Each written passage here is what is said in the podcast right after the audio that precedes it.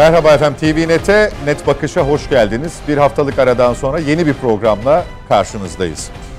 Boğaziçi Film Festivali vardı. Bu festivalde bir yönetmen Türk Silahlı Kuvvetlerine iftira atan Türk Tabipleri Birliği Başkanı Şebnem Koru Fincancı'ya ithaf etti aldığı ödülü. Oyuncu Burak Haktanırsa bu durumun kabul edilemez olduğunu dile getirdi. Fakat bununla sınırlı kalmadı törendeki söylemler ve aslında eylemler. Tıpkı o yönetmen gibi düşünen diğer sanatçı arkadaşları da bunun e, kabul edilemez olduğunu, asıl e, oyuncunun karşı koyduğu yani Türk Silahlı Kuvvetleri'ne iftiradan atan birine bir ödülün ithaf edilemeyeceğini belirten oyuncuya karşı çıkarak bunun eril tırnak içinde bir dil olduğu siteminde bulundular. Ee, sonrasında aslında bir tören daha, bir ödül töreni daha siyasi şova dönüştürüldü ve tamamlandı ama tartışması halen devam ediyor. Hafta sonu e, Cumhurbaşkanı Erdoğan Cuma günü Türkiye Yüzyılı vizyonunu açıkladı. Bu açıklanan törende enteresan kareler ekranlara yansıdı. Aslında hem vizyonu hem de vizyonun dışında kalanları konuşma gerekliliği hasıl oldu.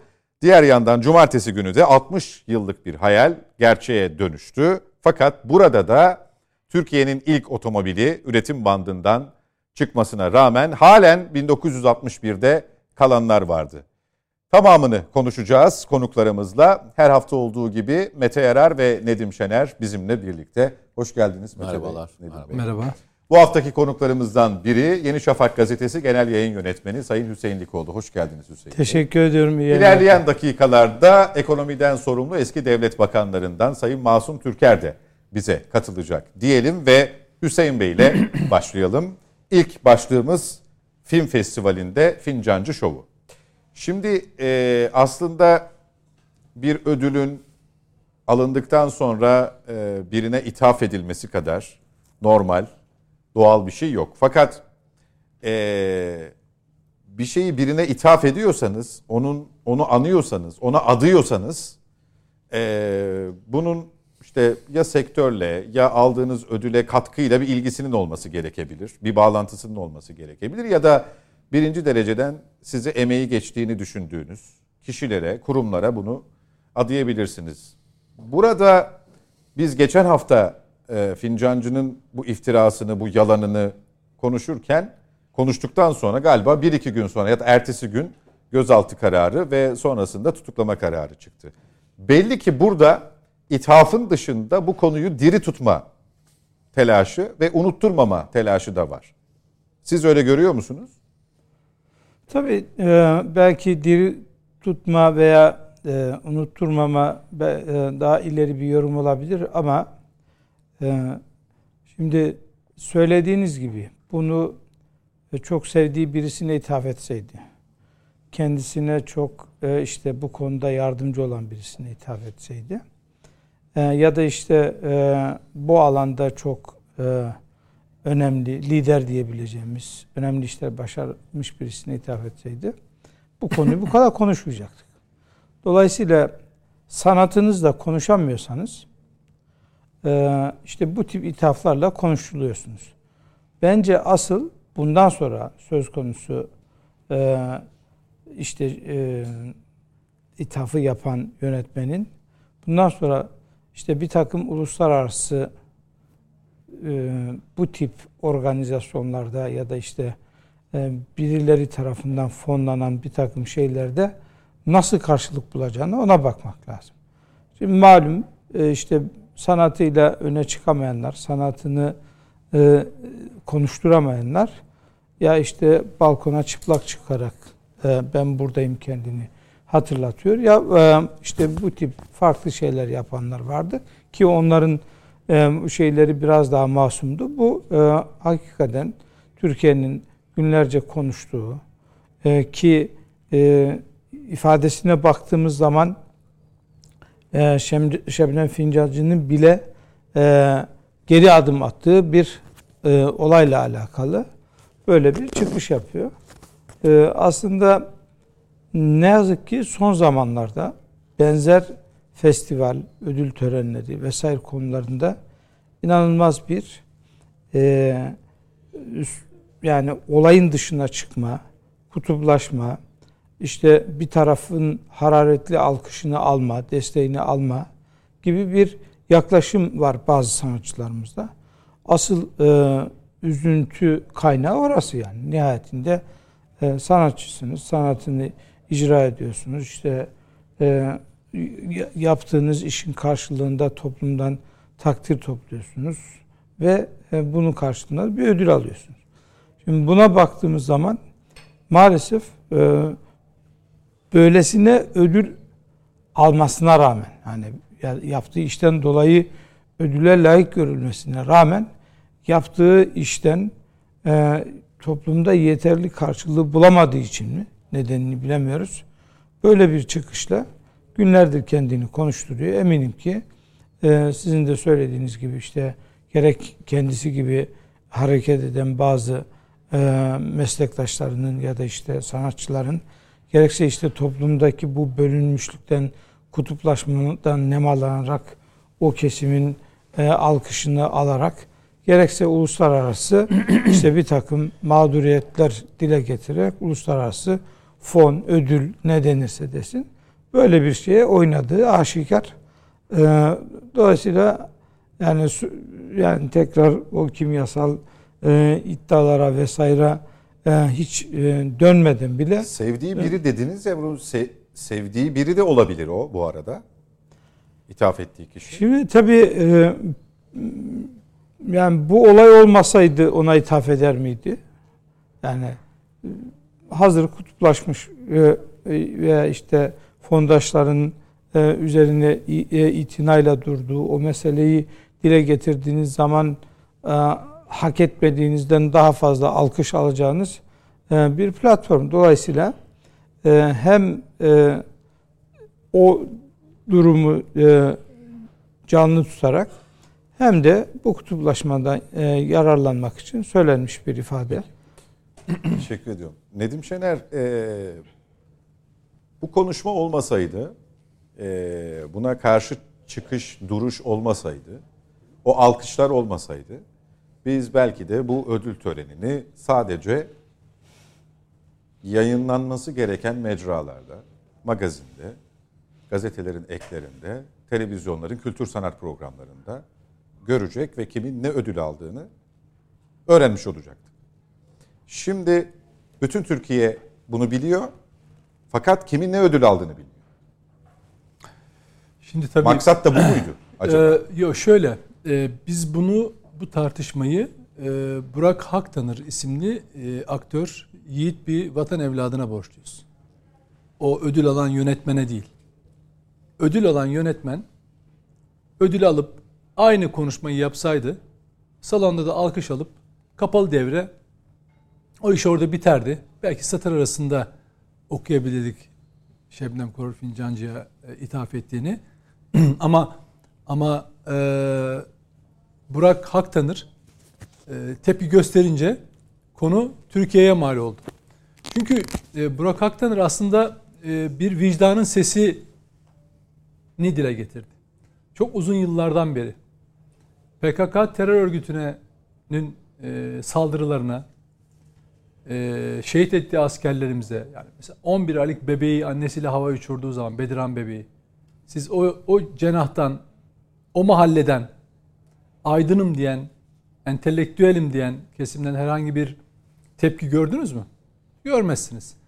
E, PKK orman yaktığı zaman onu bile e, orman görevlileri yakmıştır. Ya da şöyle olmuştur. Eğer PKK yaktıysa da onu en azından işte orayı imara açmak için birileri yakmıştır. Devlet yakmıştır falan. Hükümetten birileri yakmıştır falan diye yaklaşan isimler. Şundan dolayı e, Burak Aktanır'ın e, e, tepkisini bağlamından koparmamak gerekiyor. Diyor ki röportajında 24 TV'de verdiği röportajda ben Şebnem Korur Fincancı'ya ithaf ettiği için değil diyor. Yani ona ben kişisel olarak tepki gösterebilirim. Ama açık bir yalan söyledi diyor yönetmen, ödül alan kişi. Sadece barış dediği için tutuklanan Şebnem Korur Fincancı deyince hayır barış dediği için değil. Türk Silahlı Kuvvetleri'ne iftira attığı için diye tepki gösterdim. Ve dolayısıyla barışa Ve bunu birkaç kere tekrar ettim diyor. Dolayısıyla diyor ki yani salonda bulunanlara ve genel olarak da Türkiye'ye bir yalan söyledi.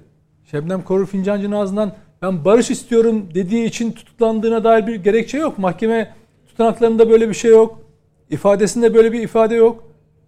Türk Silahlı Kuvvetleri'ne attığı bir iftira var. E, dolayısıyla bundan tutuklandı. Bunu söylüyor ve diyor ki PKK'nın kanalları, bütün internet siteleri bu kadını destekleyen, bunun söylediği sözlere yer veren yayınlar yapıyorlar diyor. Yani bu gerçeği nasıl sen kamuoyundan gizlersin diyor. O yüzden Burak Aktanır'ı yani son dönemde bu konuda tepki gösterenler oldu. Yani mesela Tamer Karadağlı'da değil mi? Mesela evet. her zaman ülkesinin yanında duran, e, pozisyonda net gösteren ama o camia tarafından sözde aydın yazar çizer takımı tarafından nasıl linç edildiğini görüyoruz uzun zamandan beri. Burada da Burak Aktanır'ın e, ortaya koyduğu hakikat toplum tarafından hem sosyal medyada hem de genelde biz de burada konuşuyoruz. O kadar güzel sahiplenildi ki aslında karşı tarafın rahatsızlığı bundan. İlk kez bakın ilk kez söylemde geri durmak zorunda kaldılar. Savunamıyorlar. Neyi savunacaklar? Yani Şebnem Korur Fincancı'nın içinde bulunduğu durumu ya da ne yaptığını mı savunacaklar? Yönetmenin ya barış dediği için tutuklandığı diyerek manipüle etmesini mi? Yani salonu ve Türkiye'yi manipüle etmesini mi savunacaklar? O yüzden bakın farkındaysanız bu konu Burak Aktanır'ın koyduğu çizgi üzerinden ilerliyor. Tartışma öyle gidiyor zaten. Ve öyle de olmalı zaten. Çünkü biz bu ülkede 20 yaşındaki vatan evlatları şehit olurken PKK orman yakarken işte Selahattin Demirtaş güzellemeleri yapanlar işte Türkiye'yi aciz göstermek için şey yapan kendine aydın diyen insanlar. Biz Mete ile Süper Haber'de bir program yapıyorduk. Memleket aşkına diye. Orada ilk başladığımız gün 15 Temmuz'dan bir, bir süre sonraydı. Bu memlekette aydınım diyen, yazarım, çizerim, entelektüelim diyenlerin nasıl hiçbir işe yaramadığını biz 15 Temmuz gecesi gördük.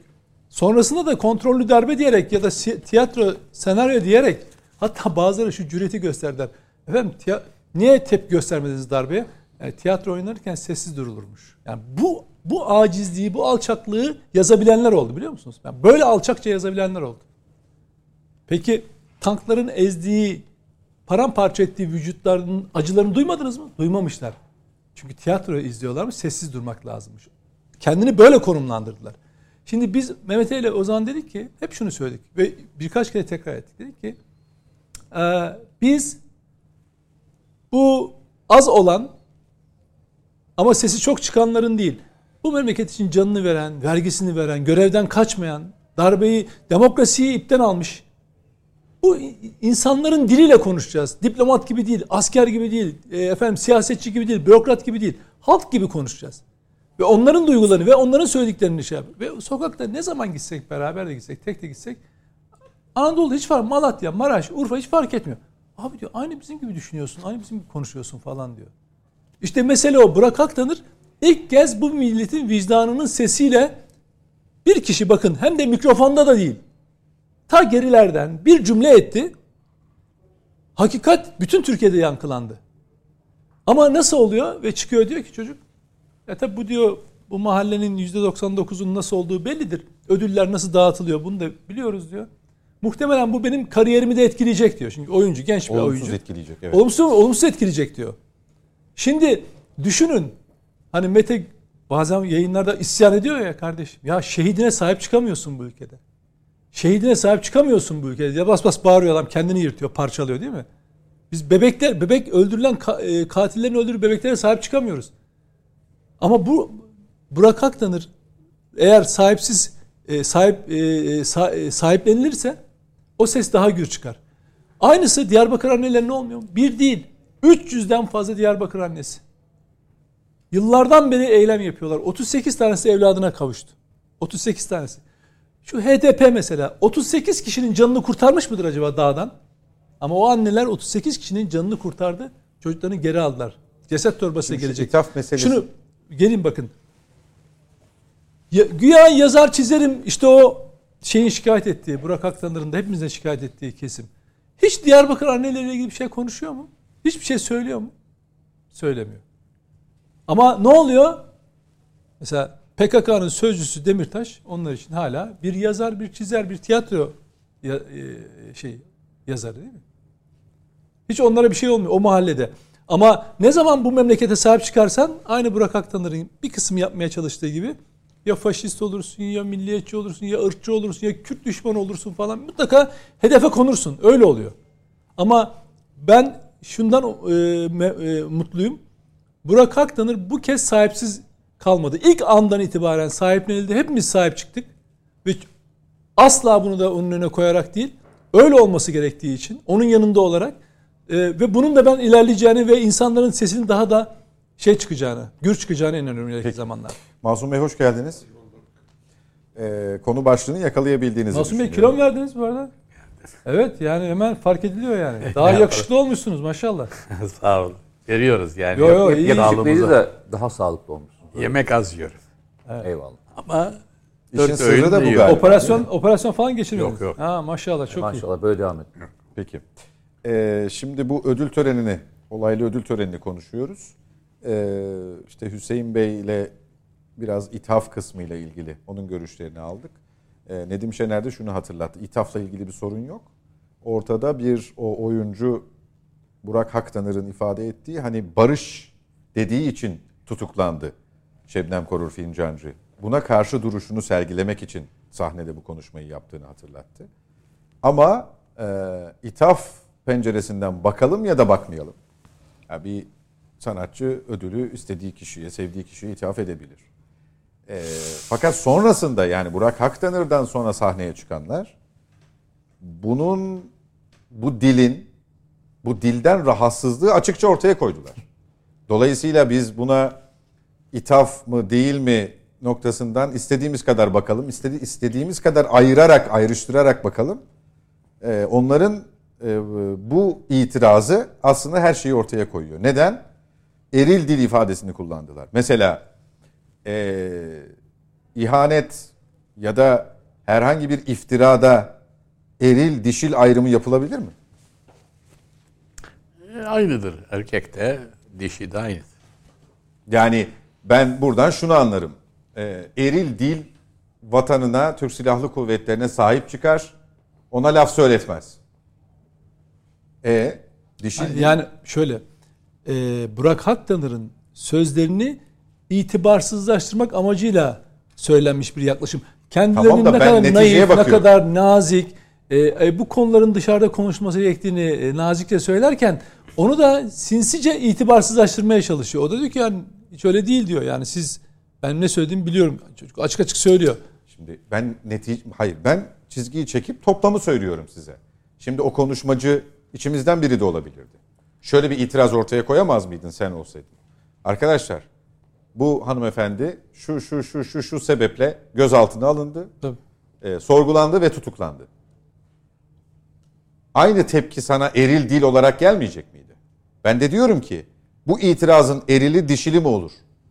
Hatta eşitliğin bu tarafına geçiriyorum. Vatanına, Türk Silahlı Kuvvetlerine sahip çıkmak erillerin işi. Dişiller 3 nokta. Masum Bey bu soruyu ben sizin cevaplamanızı Şimdi bir isteyeceğim. kere ben eee Şükran İncancı'nın Şebnem. eril ya da dişçi olarak konuştuğunu düşünmüyorum. O bulunduğu kurumun başkanı olarak baş, kurumda sürekli muhalif e, duruş sergileyen bir kurum.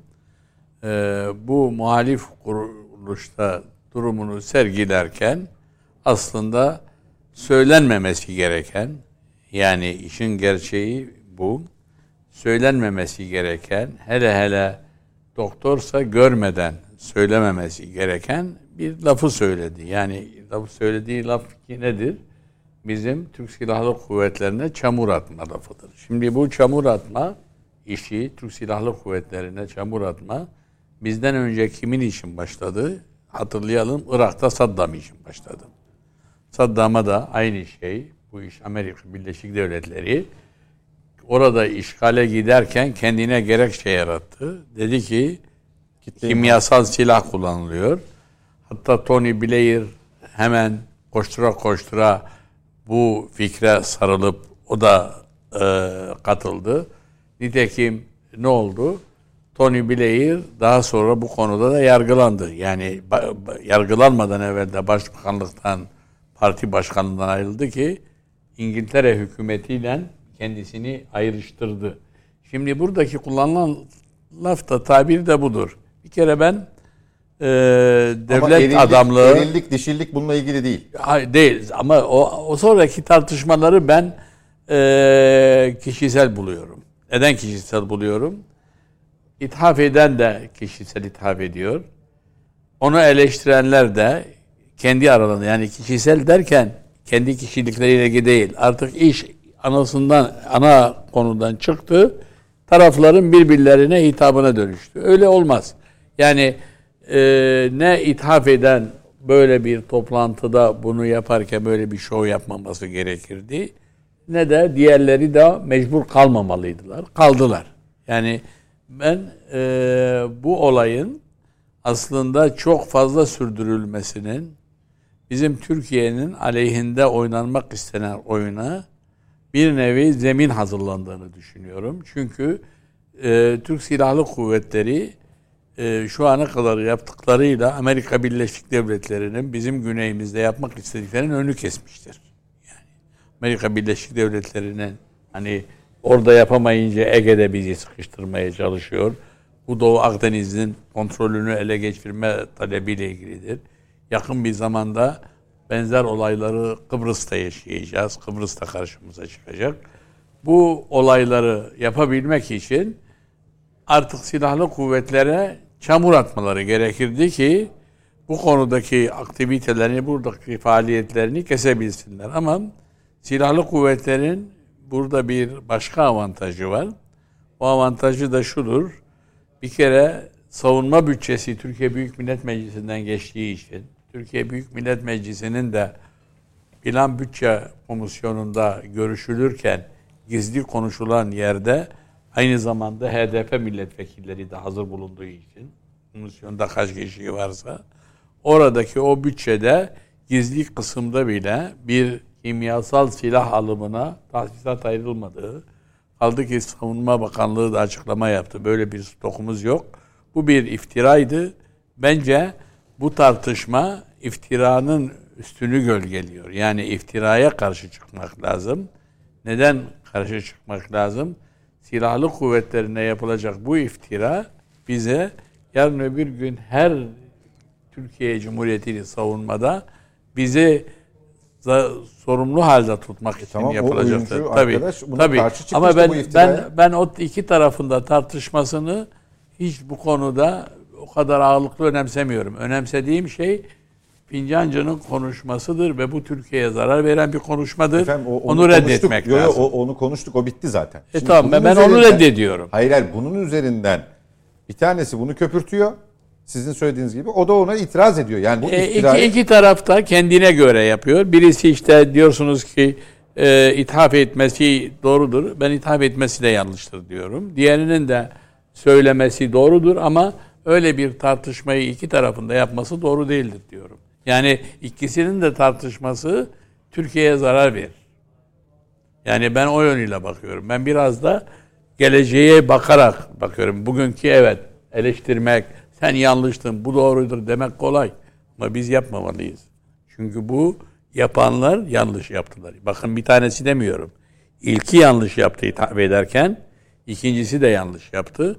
İkisinin de bu konuşmasında Türkiye Cumhuriyeti'nin bekası, Türkiye Cumhuriyeti'nin ulusal çıkarları düşünülmeden yapılan konuşma. Ya, o- ya m- ben buna, buna İkisinin de konuşması yanlış. E, önce iltifa kilo verdiniz il- iltifat ettim ama şimdi karşı çıkacağım. Karşı çıkacağım. Stresi strese girip sakın yiyeyim hayır, falan hayır demeyin. canım yani ben, ben herkesin düşüncesi kendine göre. Ee, yani şöyle e, belki de hiç alışmadığımız, uzun zamandan beri alışmadığımız bir şey. Bu tür yerlerde e, orduya sahip çıkan, hatta bir ha- yalana itiraz ederek bunu da açıkça dile getiren ses pek yoktu. Çünkü o mahalle bunu yapanı anında aforoz ediyor, etiketliyor ve e, ne iş bulabilir ne ekmek yiyebilir hale getiriyor. Şey bırakıyor. Dolayısıyla bunun şöyle bir şey. E, çok daha farklı ithaflarda da bulunabiliyor. Bazı törenlerde çok farklı olmaması gereken ithaflarda. Yani şunu da biz yaşadık.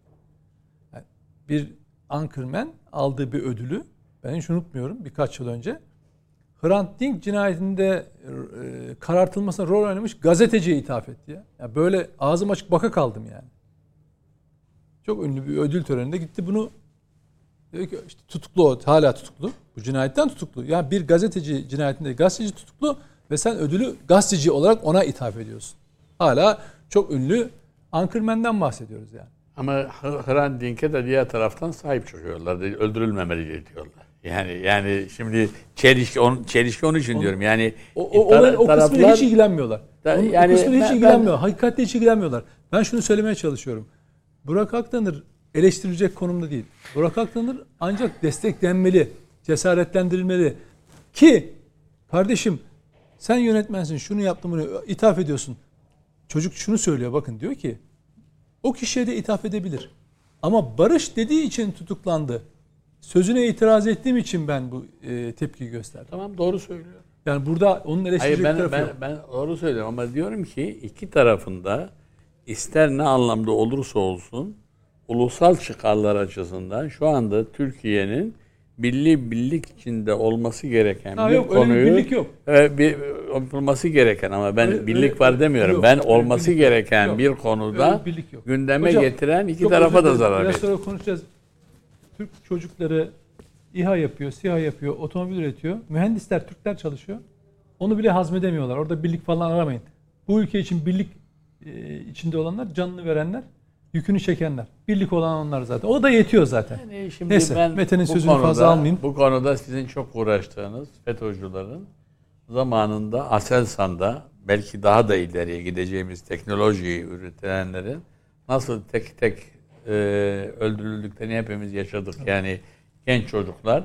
Bunlar belki yaşasalardı bugün e, şu anda TOG'da olsun, İHA'da, SİHA'da bile olsun dışarıdan yaptığımız ikmalleri yapmak zorunda kalmayacaktık. Türkiye'de üretilecekti. Türkiye'de bu iş yapılacaktı. Yani bu e, yapılanlarla geçmişte Şakir Zümre'ye bomba üretiminden vazgeçirtip soba üretimi yaptırtmaya, demir ağı uçak yapmaktan vazgeçirtip düdüklü tencere imal ettirmekten farkı yok. Yani bu tür şeylere daima ben karşı çıkılması gerektiğinden yanayım. Yargıya da intikal etmiştir bu iki. İnşallah ikinci kısım da yargıya intikal eder. Kim haklı haksızı yargı tarafsız bir şekilde çözümler. Peki. Mete Erer sen ne düşünüyorsun bu konuyla ilgili? Düşünecek bir şey var mı? Ee, Valla bu konuşma Cannes Film Festivali'nde oldu değil mi? Ya da e, ya da Oscar töreninde oldu. Boğaziçi ödülü evet ödül film festivali. Şeyde birisi e, Avrupa, Amerika'da oldu, bir tanesi Fransa'da oldu. Muhtemelen öyle bir yerde oldu. Değil mi? Öyle oldu. Ben çünkü öyle olmalı. Emin değilim ya. Bir, bir bakalım ona arkadaşlar. Yani Boğaziçi Film Festivali Türkiye'de yapılıyor değil mi? Ee, güzel. Çok ilginç değil mi? Ee, yerini soruyorum arkadaşlar yerini. Adını biliyorum. Evet. AKM'de yapıldı ya. Ne güzel değil mi? Ve içeriden bir tane evlat sesini çıkarttı diye seviniyoruz farkında mısınız? Bence kapatın gidin ya şeyi. Dükkanı kapatın ya. Dükkanı kapatın ya. Siz neyi konuşuyorsunuz ya? Bir tane adam diyor ki ben bu söyledim ama bu benim hayatımı bitirecekler ben biliyorum diyor. Diyor ki dışarı çıktım. İçeride alkışlayamayanlar. Dışarıda bana sıraya girdiler, tebrik sırasına girdiler. Ama en azından o iyi bir şey. Yok kapatın abi dükkanı. Kapatın dükkanı. Siz kendi ülkenizde askerinizi savunacak, ön plana çıkartacak, haksızlığa direnecek bir yerde değilseniz kapatın abi bana. Hatta kapatın ve atın bir daha açmasınlar kapıyı. Açmasınlar ya. Biz bunu bununla mutluluk duyduk biliyor musunuz? Deli kadından söylemiyorum. Delikanlı çok delikanlı bir adammış. Delikanlı bir adammış. Biz şöyle baktık olaya. İçeriden bilgisi çıktı diye baktı. Ben de diyorum ki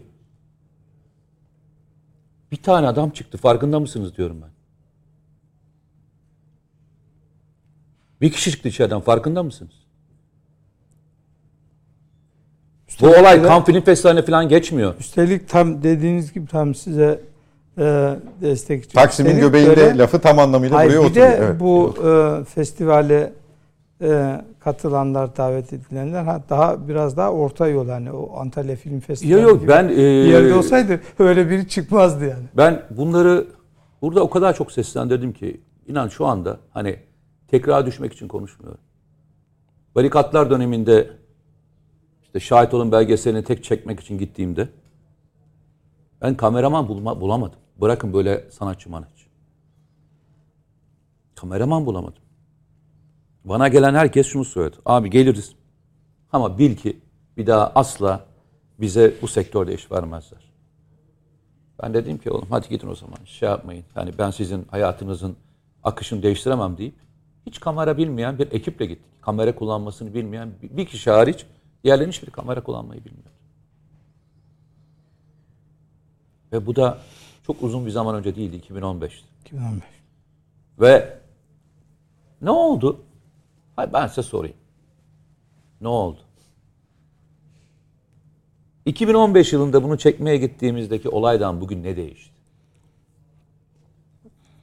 O gün bulamadığımız yerden ne değişti? Bunları söylerken, anlatırken herkes şey diyordu bazen hani abi diyorlardı biraz fazla abartmış olabilir misin? Ben de diyordum ki devlet terbiyemden ve diğerlerinden en azından diğerlerini anlatmıyorum. Eğer diğerlerini anlatmış olsam zaten hani ruhum bunu kaldırmaz diyordum. Ben yalnızca size şeyi anlatıyorum. Yaşananları anlatıyorum diyordum. Şimdi şu sahneye bakıyorum ve bu sahne bana çok acı veriyor. Bir delikanlı İstanbul'un göbeğinde Türk askerini savundu diye seviniyoruz. Bravo. Bence Sahip çıktık diye de dile getiriyoruz üstelik. Efendim? Sanki başka seçenek varmış gibi. Sahip çıktık da diye de bunu dile getiriyoruz. Bir de sahip çıkmak zorunda kalıyoruz. Yani çocuğun başına bir şey gelmesin diye uğraşacağız bu saatten sonra. Yani onun için uğraşacağız. Başına muhtemelen gelecek bir şeyler. Biz nasıl bu hale geldik ya? Bu nasıl bir gladyatör gibi geldik? Böyle sahneye bir tane kahraman çıkıyor. Bizim adımıza dövüşüyor. Ve oturup seyrediyoruz ya. Biz bu hale nasıl geldik ya? Biz buna bu hale nasıl düştük daha doğrusu? Bizim adımıza birisinin savaşmasını istiyor. Savaşmasını istiyoruz bir kişinin. Niye? Yok muydu orada başka kişiler? Yok muydu bu memleketin başka yazanı, çizeni, iş adamı, konuşanı, edeni? İlla ki vardır. Ama- ben olduğuna inanıyorum ama sesini çıkaramama senin verdiğin örnekteki Abi bakın bir kez daha söyleyeyim. kameraman örneğinde olduğu gibi. Hangi ülkeden bahsediyorsunuz? Hangi ülkeden bahsediyorsunuz? Hangi konudan bahsediyorsunuz? Yani dünyanın tanıdığı bir terör örgütünüyle mücadele eden Türk Silahlı Kuvvetleri'ni memleketin içinde savunabilmek için birisi risk alıyor hayatından. Hayatından risk alıyor. Meslek hayatını bitiriyor. Ya bir şey size vurmuyor mu ya? Bir şey vurmuyor Normal mu? bir şey mi bu? Ya bu size şey gelmiyor mu? Acayip gelmiyor mu bu kelime ya? Ya ben söylerken bile bir- bana kelime acayip geliyor ya. Ya nasıl ya? Nasıl ya? Ne anlatıyoruz arkadaşlar? Ne anlatıyoruz? Neyi konuşuyoruz? Ya bu saatten sonra neyi konuşacaksınız ya? Bir kişi çıktı diyoruz ya. Bir kişi çıktı ya.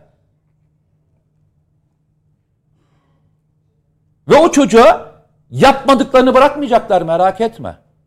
Diyeceksiniz ki yok ya öyle filan. Öyle mi? Mesela sol tarafımda bir arkadaşımız var Nedim Şener. Mahkemelere tek başına gidiyor, geliyor. PKK'lılar gidiyor, arkasında 100 tane savunacak olan gönüllü avukatıyla. Nedim parasını tutarak adam gidiyor. Merak etmeyin arkadaşlar, unutacaksınız. Bunu da unutacaksınız. Unutacaksınız ya. Hiç abartmayın. Bazı şeyler acıdır. Acıyı söylemezseniz de birbirinize gelemezsiniz. Hiç gaza getirmeyin. Unutacaksınız. İki gün önce söylediğiniz adamın dizi filmini de seyredeceksiniz. Merak etmeyin. Rating vereceksiniz. Rating aldıracaksınız. Merak etmeyin. Yapacaksınız. Yapacaksınız. 2015'te başıma gelen 2022'de 7 yıl. 7 yılda biraz daha artmış durumda. Bir kişi çıktı diye seviniyoruz. o bir kişiyi inşallah daha sonra bulursunuz. İnşallah bulursunuz. Siyasetçilerin PKK konusunda destek veren söylemlerini duymadığınız bir yerde neredeyse PKK siyasetin göbeğinde yer alıyor. Siz ne diyorsunuz ha? TSK 20 yaşında delikanlılar dağın başında sınır ötesindeler. Zap gibi bir yerdeler. Onlara atılan bir iftira var. ve bunu savunan İstanbul'un göbeğinde bir yiğit evlat var. Yani bunu hani bundan 50 yıl önce falan böyle bir mizansen olarak yazsalardı Ay'a gidilmeden önce Ay'a gidilir gidilemez ama şey gidilir ama bu olmaz derlerdi muhtemelen. Muhtemelen böyle derlerdi. İyi ki varsın sevgili kardeşim. İyi ki varsın. Ama senin varlığın bizi onurlandırdı ama beni çok kötü yaraladı biliyor musun? Beni çok kötü yaraladı. Senin yaptığının büyük kahramanlık olması beni yaraladı biliyor musunuz? Diğerlerinin suskunluğuyla beraber. Bir kişi çıktı. Bir yiğit çıktı. Ya düşünsene. Hasan Tahsin mi ya? Yunanlara maç etti arkadaş ya. Tek başına mıydı ya? İstanbul'un biz işgalde miyiz arkadaşlar ya? Ya ne diyorsunuz? Ne anlatıyorsunuz arkadaşlar ya? Delikanlının birisi diyor ki benim hayatım bitecek diyor ya. La memleketten, memleketin ortasında bu lafı nasıl söyler bir insan ya? Demek ki kimlerin hayatları bitti bu ülkede ya? Kimlerin hayatları bitti? Kimlerin hayatlarını bitirdiler? Kimler daha önce de itiraz etti de hiçbiri hiçbir yere gelemedi?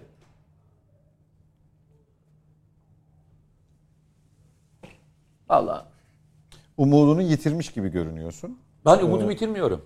Ben umudumu yitirmem. Umudunu yitirmem. Ama ben hayatta bir tek hayatta bir felsefem vardır. Şeref, haysiyet, onur yiğitlik kadar mertlik kadar önemlidir. Ben askerlerimin mertliğinden de, cesaretinden de, vatan ve ahlaklarından da bir şey tut düşünmüyorum. Ama onların bize arkada bıraktıkları başka şeyler var, değerler var. Bize emanet ederek gittikleri değerler var. Şeref, haysiyet, onur, gurur. Bunlar bize emanet edilerek gitti. Onlar orada zaten öbürlerinin mücadelesini yapıyorlar. Bunlar da bize emanet Türk Silahlı Kuvvetleri olarak. Ben emanete, emaneti böyle mi savunacağım? Ben bu emanete çıkan bir delikanlıyı bir kişi çıktı diye mi sevineceğim? İyi ki varmış delikanlı. Ya olmasaydı? Biz daha önce de olmayan örneklerini çokça verdik bu arada. Ha. Mete anlatırken aklıma geldi. Ya. Bu propagandanın yapıldığına dair kısımları da haberleştirdik. Dolayısıyla o haber dolaşımdaydı. Tabii. Öyle Tabii. değil mi Hüseyin abi? Tabii. Kimse yani itiraz. Bu hikaye, evet. bu hikaye böyle. Ya şeye bakın böyle Mete, yani. Mete eski bir e, asker olduğu için de yani onun duyguları hepimizden daha şey diri, daha şey.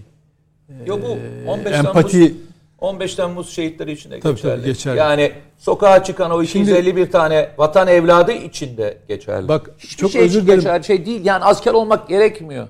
O, ona buna maydanoz olan bazı eski askerler var. Bir takım sanatçıları yere göğe koyamazlar. Kardeşim, her şey sen beraber daha güzel olacak diyenler dahil olmak üzere. Hani demokrasi, ifade özgürlüğü. Şimdi Mete'nin söylediğinin onda biri kadar o Burak Aktanır'a sahip çıktılar mı? Bildiri yayınlıyorlar değil mi? Her şeyi çok iyi biliyorlar. Vatan sevgisi onlardan, her şey onlar, demokrasi de onlardan sorulur. Ama hiç görüyor musunuz? Bravo ya. Onu bırakın. TSK'ya iftira atıldığında ne yaptı ki o, o kamuoyunun çok iyi bildiği Mete'nin eski meslektaşları? Ölü taklit. Ha? Darbecisini savunan var. Muhtıracısını savunanı var. Kendini yere göğe koyamayanı var. Kibrinden. Kardeşim seninle beraber her şey güzel olacak diye aslan kesilenler var. Ha? Kahraman diye bildiğimiz insanlar.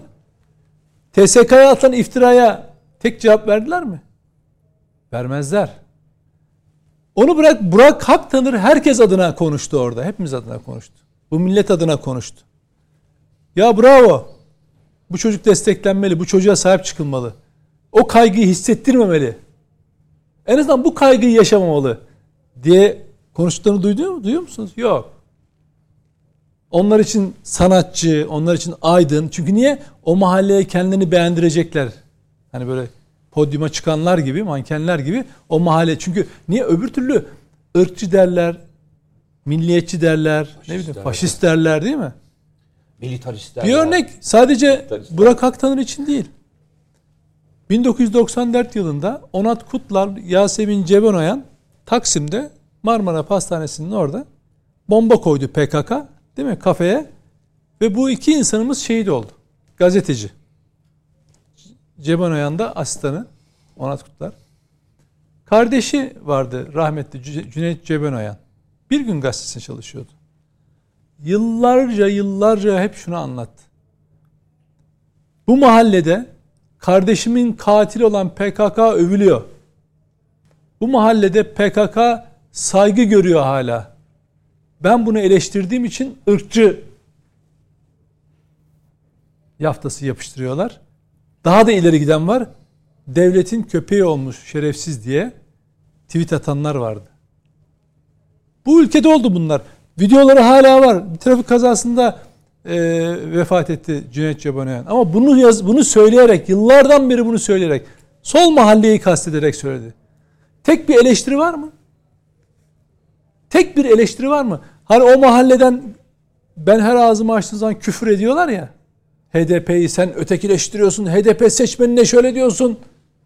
PKK geçen hafta örnek vermiştim. PKK Ozan Çiftçi isimli HDP delegesini, üyesini cezalandırdık diye infaz etti. İlan etti bunu internet sitesinden de. O mahalleden bir dakika ya HDP seçmene nasıl dokunursun sen diyen oldu mu? Partiden doku- diyen oldu mu? Bak hemen HDP'liler eee şeyle ilgili sahip çıkmışlar. Bak HDP'nin grup başkan vekilleri Boğaziçi Film Festivali'ni düzenleyen organizasyon artık eee, bununla ilgili tepki göstermiş. O ödül ithafı ilgili. Hemen ne yaptılar? Gardına aldı HDP'liler. İşte bilmem savaş diline esir olmak, devletin diline esir olmak diye onları eleştiriyorlar. Şebnem Korur Fincancı'ya sahip çıktığı için bilmem kimi eleştirmek, bilmem neymiş falan filan. Bak nasıl bir güruh halinde üzerine çullanıyorlar. İşte Burak Aktanır'ın haklı kaygısı bu. Mete'nin de anlatmaya çalıştığı bu. Bu ülkede vatansever olursan anla önce bir yani hele PKK meselesi o zaman Kürt düşmanı ve ırkçı faşist diye yaftalanırsın güya tırnak içinde itibarsızlaştırırsın ama ben diyorum ki işte buna rağmen buna rağmen bezdiremiyorlar bu milleti. Yine bu millet o savaşı kazanıyor ama şu propaganda savaşını kaybediyor. Masum Bey iki, iki tarafta yanlış yaptı dediniz ya. Aslında bu güruh kutuplaşmadan da şikayet eden güruh. Yani şimdi iki tarafında e, O özür dilerim. O kutuplaşmadan şikayet etmiyor. Ben istediğim dili kullanayım, istediğim gibi hakaret edeyim ama bana bir şey söylemesinler. Onların itirazı o aslında. Yok hani bunu Onu öyle dillendiriyorlar. Söylem hani Serhat aynı partisinin arasında demokrasi kelimesi bulunduruyorlar ya. Nasıl CHP'li Özgür Özel, efendim e, Ali Babacan, Şebnem Korur Fincancı'nın yaptığı ifade özgürlüğüymüş. Peki çıkın bugün Burak Aktalar'ınki de ifade özgürlüğüdür. Bir tepki dile getirmiştir. Deyin bakalım. Hadi Özgür Özel yapsın. Hadi Ali Babacan çıksın desin ki Burak Aktalar haklı bir tepki göstermiştir. Söyleyebiliyor mu? Aa, söyleyem. O zaman HDP hemen der ki bir dakika ne oluyor ya? Ha o zaman seçim tehlikeye girebilir. O yüzden vurun vatanseverin üzerine, vurun Çin'i şey e, yakın geçin gidin üzerinden yani. Burak Aktalar gibilerin. Ben e, iki tarafında söylediğini alevlendirmenin Türkiye'ye zarar verdiğini düşünüyorum. Birisi yapmaması gereken şeyi ithaf etti. Yani ithaf etmesi için arada bir bağlantı, bir ilişki, bir varlık olması. Belli neden yaptığı, o sistemin içinde var olmaya baktı. Diğeri de çıktı, yapamazsın dedi, eleştirdi. Belki ben de orada olsaydım aynı şeyi söylerdim. Ama benim söylemimi başkasının da övmesine, başkasının şey yapmasına gerek yok. Yani söylenmesi gerekiyordu. Ondan sonrasını ben söylüyorum zararlıdır. Çünkü sonuçta yönetim bu işi reddetmiştir. Bizim devletimizin yönetimi bu işin kapanması gerektiği konusunda tavrını koymuştur. Bu tavrını koyduğu için öyle tarafların bu işi büyütmesi bir şey getirmez Türkiye'ye. Benim bakış açım o. Yoksa ben mesela dün televizyonu izlerken ithaf kısmını verdiler de televizyonlar ee, şey kısmını vermediler Burak Haktanır'ın söylemini. Orada bir başka hanımın Zaten Evet, onu, onu onu izlediğiniz çıkartıp televizyon- konuşmadılar merak etme. O izlediğiniz televizyonla ilgili olabilir mi biraz? Hayır ama istediğim te- iz- izlediğim televizyonlar e, benzer şekilde yani sizin gibi düşünen televizyonlar. Ama hiçbirisinde görmedim. Koy vermediler. Demek ki orada Bunun da görüntüsü yoktu zaten. E, Sadece yoktu, ses yok vardı. tabii. Yani sesi de duymadım, şeyi de duymadım. Ama ben söylendikten sonra eşelenmesinin doğru olmadığını devlet sorumluluğu içinde düşünüyorum. Yoksa e, söylenecek çok laf var. Mesela Mete Bey söyler, çok e, etkilenir, duyarlıdır. Duymazsa, görmezse bile birisi böyle denmiş dese hemen haklı olarak kendi müktesebatı içinde bunu söyler. Ama ben bunu söylerken iki tarafında söyleminin Türkiye'ye zarar verdiğini düşünüyorum. Söyledikleri için değil. Söyledikten sonra bu işi tartışma konusu yapmalarının Türkiye'ye zarar verdiğini düşünüyorum. Neden? Şimdi bunu bir sıradan tartışma konusu gibi algılamamıza sebep oluyor bu söz. O açıdan Ay- sordum ben. Size. ben de ben de sıradan bir tartışma olmadığı için öyle yapması gerektiğini. Sıradan olsa tartışalım istediğin kadar. Ama bu sıradan değil. Bu Türkiye ile ilgili benim endişelerim var. Benim bu konuda Türkiye üzerinde oynanan oyunun bir nevi ilk halkasıdır. Son zamanlarda kullandığım tabir var. Bunu her yerde söylüyorum.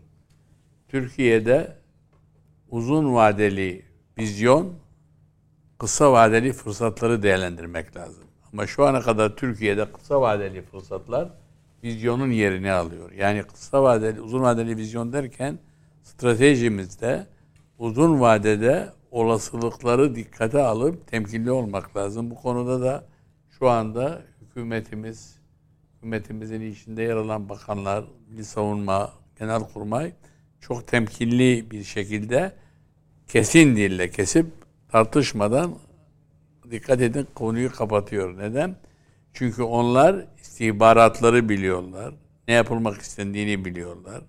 Bunun neyi amaçladığını biliyorlar. Bu onun üzerinden iki tarafta prim almaya çalışırsa Türkiye zarar görür. Peki ama Yani- Milli Savunma Bakanlığı Burak'la ilgili bizzat Sayın Bakan Efendim, irtibata geçti. Bakanlıkta ağırlamak istediğini belirtti. Tamam Onu ama bireysel söylüyor. Bakın dikkat edin. Böyle bağırarak her şeyi yani ben işi sorumluluk içinde yaptıklarını düşünüyorum. Sorumluluk içinde yapılması. Bu arada Burak Aktanır'ın kürsü konuşması yok. Siz öyle bir beklentiyle izlediyseniz. Evet. Kürsüye çıkıp göstermiyor o tepkiyi. Ee, Oturduğu. Oturduğu yerden, bulunduğu yerden sesi var. E tamam yani, Ses yani var, ödül alanlar çıktığı için tamam, zaten. Yani en azından o haberi yapanlar size benzeyen televizyonlar yani size yakın da- çizgisi Onun olan için televizyon- söylemedim efendim. Yani- Hayır hayır. Pekala bundan bahsedebilirlerdi. bahsetmediler. Hatta ben dedim işimden ya madem ki bahsetmiyor yok böyle niye bu ithaf kısmını ağırlıklı veriyorsunuz diye de ben söylendim kendi kendime. Sitem ettin. Yani kendi kendime söylendim. Yani Ha, peki. sistem edecek kimse yoktu yanımda bu konuda. Ya ben dedim ki yani olmaması gerekir. Çünkü bakın eee maziyi, tarihi olup biteni unutmadan davranmak lazım. Evet. Ben şu e, olay gecesi sosyal medyada çokça alay konusu olan eril e, sorumun cevabımı alamadığımı düşünüyorum. Son umudum Hüseyin Likoğlu. Bir cinsiyet ayrımcılığı var burada diyorum. Buna dikkat çekmek istiyorum. E, orada aslında bu ifadeyle e, bırakın bu işleri. Bu bu tip e, klişe söylemleri. Erkeklik Bu, taslamayın. erke- bu bu bu bu demek bu. Evet. Şimdi ben de diyorum ki söz konusu vatansa gerisi teferruat diyenler Şimdi yeni bunun muhatabıdır. güncel güncel Diğerleri değil midir? güncel dil kullanımında eril veya maskülen kelimeleri e, bir e, alaycı ve e, biraz küçümseyici bir hitap olarak kullanılıyor. Yani belki onu Z kuşağı olarak adlandırmayalım ama güncel dilde bu tür ifadeler hani bir zamanlar macho Evet. veya Ma- affedersin macho, Şöyle Daha maskülen. eski ne vardı ya böyle başka kaba tabirler. Ona benzer bir e, ifade için kullanılıyor bu tür kelimeler. Ben Orada onu erilik o. Yoksa şey cinsiyet Onu ayrımına düşmemek lazım. Yani dişil hani senin üzerine vurgu yaptın ya bu işin erili dişili olmaz diye bir şey yok. Dişil diye bir şey zaten yok. Yani kavramsallaştırma da kaba e, bir şeyi kaba olduğunu ifade etmekte kullanılmak amacıyla dişil veya başka türlü ifade etmek için dişil ifadesi kullanılmıyor. Eril veya maskülen lafı bunu çok duyarsınız. Çok maskülen diye Macho, macho. gibi mesela Eşittir yani maç. bir zamanlar öyle bir ifade vardı. Benzer bir şey. Yoksa bunun dişili e, sen arıyorsun ki ya bunun dişili erili olur mu? Onu boşuna arama. Çünkü gün- günlük kullanımda o, onun karşılığı yok ama erilin var. Orada kastedilen o değil. O değil evet. Peki Hüseyin Bey. Ya ben de aynı şeyi düşünüyorum. Yani buradaki ifade e, cinsiyet ayrımından çok işte e, bu tepkiyi dile getireni işte e, itibarsızlaştırma. Ya işte ya nereden bu çıkışı yaptın? Ne gerek vardı? İşte yersiz bir çıkış yaptın. Sırası mıydı? Zaten devamında diyor yani bu meseleleri dışarıda konuşalım falan vesaire yani. Dolayısıyla hani o onun böyle fevri, yersiz, e, hatta işte maço, kaba diyebileceğimiz yani böyle bir işte e, bir e, toplu, e, toplulukta e, beklenmeyen bir davranış e, sergilendiği zaman işte. O daha kötü o zaman. Herkesin içinde küçük, Hayır, hayır o daha kötü o zaman. Hayır, Tabii şöyle tabii ama- onun için Tabii, tabii, tabii. yani. Herkesin içinde küçük düşürme amacıyla kullanılan bir tabir o orada. Yani e, yani işte yeri mi burası yani şimdi? Tabii, tabii. Yani bir, bir toplulukta e, yani Mesela şey Ee, vardı hatırlar mısınız? 90'lı yıllar mıydı? Banal diye mesela. Banal. Çok banal bir falan diye. Mesela böyle sözü itibarsızlaşmak için çok banal ya da o kişiye hitaplı banal. Yani böyle bir e, tabir olarak kullanılıyor. O yüzden Yani dişilini arama ye- yani. ye- Ümpen vesaire. yani onu da başka türlü Ya kullanıyoruz. ye- tabii. yeri değildi yani şimdi bir to- e, bir bir topluluk e, düşünün. O topluluğun içerisinde bir kişi e, o topluluğa yakışmayacak, o e, ya ortama Dışlama şeyi, yakışmayacak evet, çok güzel. bir Dışlama. çıkış yapmış olmasına yönelik. Ahengi Ya- bozucu. ya evet yani şimdi yeri miydi burası yani? Ya, ya işte içinde bulunduğun topluma bir bak sen nasıl konuşuyorsun, sen nasıl davranıyorsun? Aslında o anlamda. Yani e, şey e, sonraki sunucu zaten zıp çıktı diyor ya. Yani onu nasıl tanımlıyor? Zıp çıktı diye. Tam o işte o karşılığı o oluyor bir anlamda. Evet. Yani Yani dolayısıyla dışlamak onu o ortamdan dediği gibi dışlama amaçlı bir şey. söylem. Peki araya gideceğim. Ee, aranın ardından e, devrim otomobilinden devrin otomobiline TOG'u konuşmaya başlayacağız. Hafta sonu üretim bandından ilk otomobil çıktı biliyorsunuz ve Cumhurbaşkanı Recep Tayyip Erdoğan'a hediye edildi. Biz de o törendeydik. Hem izlenimlerimizi aktarma fırsatı bulacağız Hüseyin Likoğlu ile birlikte. Hem de e, devrim otomobili devrin otomobili ayrımını yaparken 1961'de kalan zihinleri anacağız. Bizden ayrılmayın efendim. Reklamlardan sonra buradayız. Devam ediyoruz efendim. Net bakıştasınız. Konuklarımız Masum Türker, Hüseyin Likoğlu, Nedim Şener ve Mete Yarar. Ee, ilk bölümde Atatürk Kültür Merkezi'nde düzenlenen Boğaziçi Film Festivali'nde yaşananları konuklarımıza sorduk, değerlendirmelerini aldık. Şimdi hafta sonu gerçekleşen TOK fabrikasının açılışı bir yönüyle, diğer yönüyle de üretim bandından ilk otomobilin, daha doğrusu ilk akıllı aracın, e, onlar da TOK yetkilileri de böyle söylenmesini talep ediyorlar. Bir akıllı cihaz diyelim buna çünkü otonom ve e, aslında günlük hayatta kullandığımız bilgisayarın otomobile uyarlanmış versiyonu ve daha da geliştirilecek e, yakın zamanda hem e, hibrit teknolojisiyle hem de e, kendine has e, bir takım özellikleriyle e, bir zaman sonra yani tam üretime geçip faaliyete başladığında aslında bu teknoloji de onu takip eder vaziyette bir seviyeye ulaşmış olacak. Bunun da altını çizmekte fayda var. Hüseyin Bey sizinle başlayayım. Oradaydık, bu tarihi ana tanıklık ettik. Ee, aslında e, bir otomobil fabrikasının e, açılışından ziyade daha doğrusu bir otomobil fabrikası gibi değil bir teknoloji kampüsüne bir teknoloji üstüne gidiyor gibiydik. E, güzergahı e, gözlemledik içeriye girene kadar. Bir, bir müddet e, arabayla araçla bir müddet e, yürüyerek e, aslında her kampüs kendi içinde her tesis bir teknoloji barındırıyor, bir teknoloji e, üssü. E, sanki otomobil orada bu işin formalitesi gibi. E, ben böyle gözlemledim. Katılır mısın? Oradan devam ettirir misin? Şimdi tabii Türkiye kendi otomobilini yapma hikayesi e, hem eski e, hem e, bu milletin gönlünde bir yara. E, dolayısıyla e, bunun başarılmış olması e, dolaylı olarak yani sevinci, heyecanı e, katlayan bir e, durum. Yani ilk kez yapıyor olsaydık bu heyecanı yani mazisi olmasaydı, geçmişi olmasaydı, üzücü hikayesi olmasaydı, işte e, devrim otomobiliyle ilgili filmi izleyip de herhalde gözü en azından yaşlanmayan kimse yoktur yani. Şimdi dolayısıyla e, sadece... Emin misin bu soruda? ben bu soruları böyle çok kuvvetli sorma diye yani söylüyorum. şöyle Sorma e, istersen yani, öyle. E, sizi anlıyorum. Yani o demin konuştuğumuz e, o ya onlar küçük. Yok bir- aynı aynı değişen hiçbir şey yok. Ben onların küçük bir azınlık olduğunu düşünüyorum. Yok.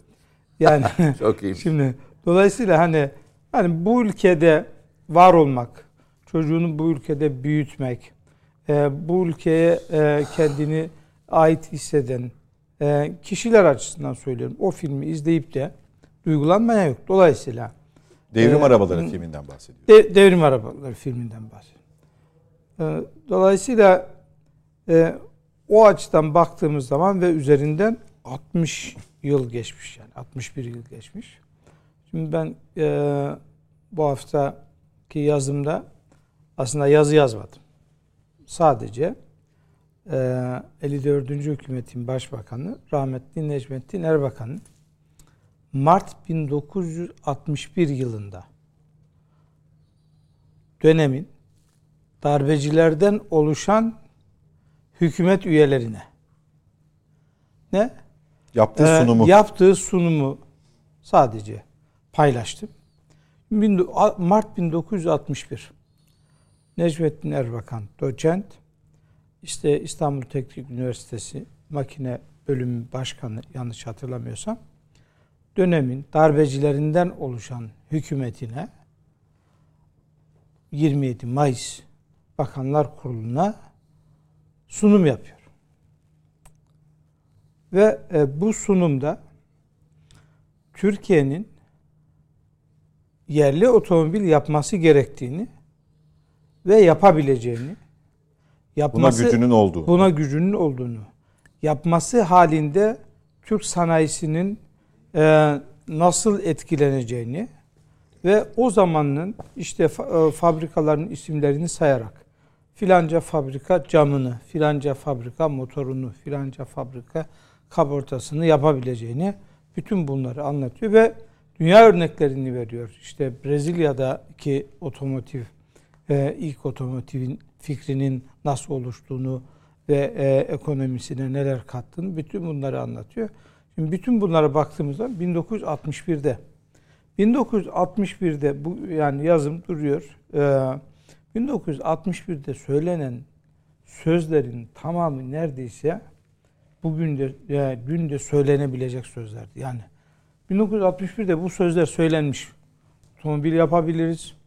Filanca e, fabrikaların e, filanca parçaları yapabileceğini, bu otomobili yaptığımız takdirde Türkiye'nin ekosistemine, sanayisine ne gibi e, katkılar sağlayacağını işte hatta Türkiye'nin nasıl bir lig atlayacağını ve kendine nasıl bir özgüveni olacağını söylüyor. Şimdi, Bu e, arada o sunuma e, hayran kalınıyor. Ayrıca bir sunum isteniyor. Zannediyorum tam da şey tarafında. Yani zaten o sunumda Savunma Bakanlığı Ha, demeyeceğim ama hepsi Savunma Bakanı şimdi konumunda. Tabii tabii Ee, dönemin e, yani sa- dönemin savunma darbe bakanı bakanlar e, kur darbe su- kabinesi olduğu için. sunumdan sonra dönemin savunma bakanı diyor ki bu sizin anlattıklarınızın en çok alıcısı, müşterisi biziz diyor. Sen bize de bir sunum yap diyor. Ve bu şeyle Daha alakalı. spesifik bir şey istiyor. Evet. Ya ordu için otomobil istiyorlar aslında. Evet. evet. Do- e, dolayısıyla e, ve bu sunumdan sonra aslında o zamanın darbeci hükümeti start veriyor. Otomobil de yapılıyor. Ve otomobilin hikayesi hepimizin malumu. E, işte yakıt ikmalinden dolayı e, ki TOK'un ilk e, işte lansmanı yapıldığı zaman da e, gelmişti devrim otomobili. Bu gittiğimizde de malum diğer otomobillerle yan yanaydı. Yani hala var olan bir otomobil. E, şimdi bütün bu hikayeye baktığımız zaman yani müthiş bir olay. Yani Gemlik'ten dönerken arabamızda e, bir konuğumuz vardı. Amerika'dan gelmişti. Amerika'nın çok e, üst düzey bir teknoloji firmasında e, görev Uzman- yapıyor. uzman olarak Uzman çalışıyor, olarak evet. çalışıyor. Ve e, e, bizden Şahıs daha Amerikalı heyecanlıydı. Amerikalı mıydı? Hayır, hayır, Türk. o- Türk o- Türk. o- uzun süredir Ve- orada yaşıyor. Bizden daha heyecanlıydı. Yani nasıl gurur verici e, bir durum Bizim olduğunu- heyecanımızı e, az buldu. Biz Yani, mi- yani yetersiz buldu. Biz, biz kendi aramızda konuşurken işte şöyle böyleydi. Ya ha- hakikaten bizim heyecanımız yetersiz buldu yani. Yani daha ötesi ifadeler kullandı. Şimdi, e, bu açıdan baktığımız zaman Türkiye önemli bir şey başardı. Yani bir bir e, yapamazsınız e, işte e, işte e, gücünüz yok, mühendisiniz yok, vesaireniz yok bütün bu şeylere karşın e, Türkiye önemli bir şey başardı. Ve önemli zamanda başardı. Yani Türkiye işte mevcut işte otomobillerden işte e, dizel ya da işte benzinli vesaire e, otomobillerden bir tanesini yapsa ve dünyanın en iyisini yapsa e, bu saatten sonra piyasada, pazarda yer bulması mümkün değil. Ve Türkiye tam dönüm noktasında yani e, benzinliden e, ya da işte e, dizelden çıkılıp elektrikli otomobile dünyada geçildiği bir dönemde herhalde e, 6. 7. ülke bu e, otomobili yapan. E, şimdi dönemine baktığımız zaman artık e, tutmaması gibi bir e, şey yok yani. Çünkü e, elektrikli otomobil dönemi, dijital ya da işte hatta e, senin de söylediğin gibi e, akıllı cihaz dönemi e, bu e, her yerde karşılıklı. Ve Türkiye'nin şöyle bir şansı var. Türkiye İHA teknolojisiyle kendini dünyaya kabul ettirdi. Dolayısıyla böyle bir ülkenin yaptığı otomobil ister istemez hemen İHA ile mukayese edilecek. Ya da İHA'yı yapan bu otomobili hayli hayli yapar denilecek. Bu açıdan da baktığımız zaman zamanlama çok e, önemli. E, elektrikli e, araçlara geçiş sürecinde e, bunu ilk üreten siz. Ve daha önemlisi yüzlerce mühendis her birinin sevincini Sayın Cumhurbaşkanı ile fotoğraf çekilirken Sayın Cumhurbaşkanı'nın araca binip ilk hareket ettiği andaki her birindeki sevinç, gözlerindeki ışıltı o mühendisler bu saatten sonra bambaşka şeyler de yapabilir yani. Yani Türkiye'nin ihtiyaç duyduğu, teknolojide ihtiyaç duyduğu bambaşka şeyleri yapacak bir özgüvenleri oluştu. Peki. Ve bu yönüyle e, Türkiye yeni bir e, level atladı ya da işte e, süper ülkeler e, e, ligine çıktığını söyleyebiliriz. Bu saatten sonra bir e, şey kaldı. Milli Muharip uçak kaldı. O da inşallah önümüzdeki Yolda. E, yıl e, yolda değil havada olacak. Yoldan sonra havada. Peki. Nedim Bey, e, Hüseyin Bey'in söylediği oradaki e, benim gözlemlerime yansıyan aslında dikkatimi de celbeden e, tartışmaları da konuşacağız yine TOG üzerinden ama galiba 10-12 tane mühendisle yan yana geldim. İki tanesiyle de görüştüm, konuştum. Bütün siyasi mülahazalardan uzak, belli ki dünya görüşleri çok çok farklı. E, bundan da doğal bir şey yok. E, hepsinde gözleri o işte özellikle Gürcan Karakaş konuşurken, Rifat Sarcıklıoğlu konuşurken e, biraz devrim otomobiline atıf, biraz bu hikayenin başlangıcına ki çok yeni bir hikaye. E, o e, gözlerdeki doluluğu ama bir yandan da gururu gördüm. Hepsinin bir parçasında emeği var, hizmeti var ve e, aslında binlerce kişiden bahsediyor. Çok 4000, özür dilerim. 4000, bir gözlemimi 4500 daha paylaşayım. Emine Erdoğan'ın Tayyip Erdoğan'a sarılış sahnesini gören var mı? Dikkat eden var mı? Evet. Yani yıllarca gözümüzün önünde olan iki insandan bahsediyoruz. Yani Emine Erdoğan'ın Tayyip Erdoğan'a sarılış sahnesi de müthiş yani. Hani o Cumhurbaşkanı bile şaşırdı orada. ne, ne oluyor? Ama çok spontan gelişmiş, içten bir e, sarılmaydı o da. E, bunu gördüm ben bizzat. E, yani aklında şöyle bir şey yoktu adamın. Yani biz bunu yaptık ama hani işte e, beğenirler mi, beğenmezler mi? İşte buna da mana bulunur mu falan. Yani e, hem işini iyi bir şekilde yapmış olmanın haklı gururu hem de o ekibin ruhunun aslında bir parçası olmanın gururu bir arada gibiydi.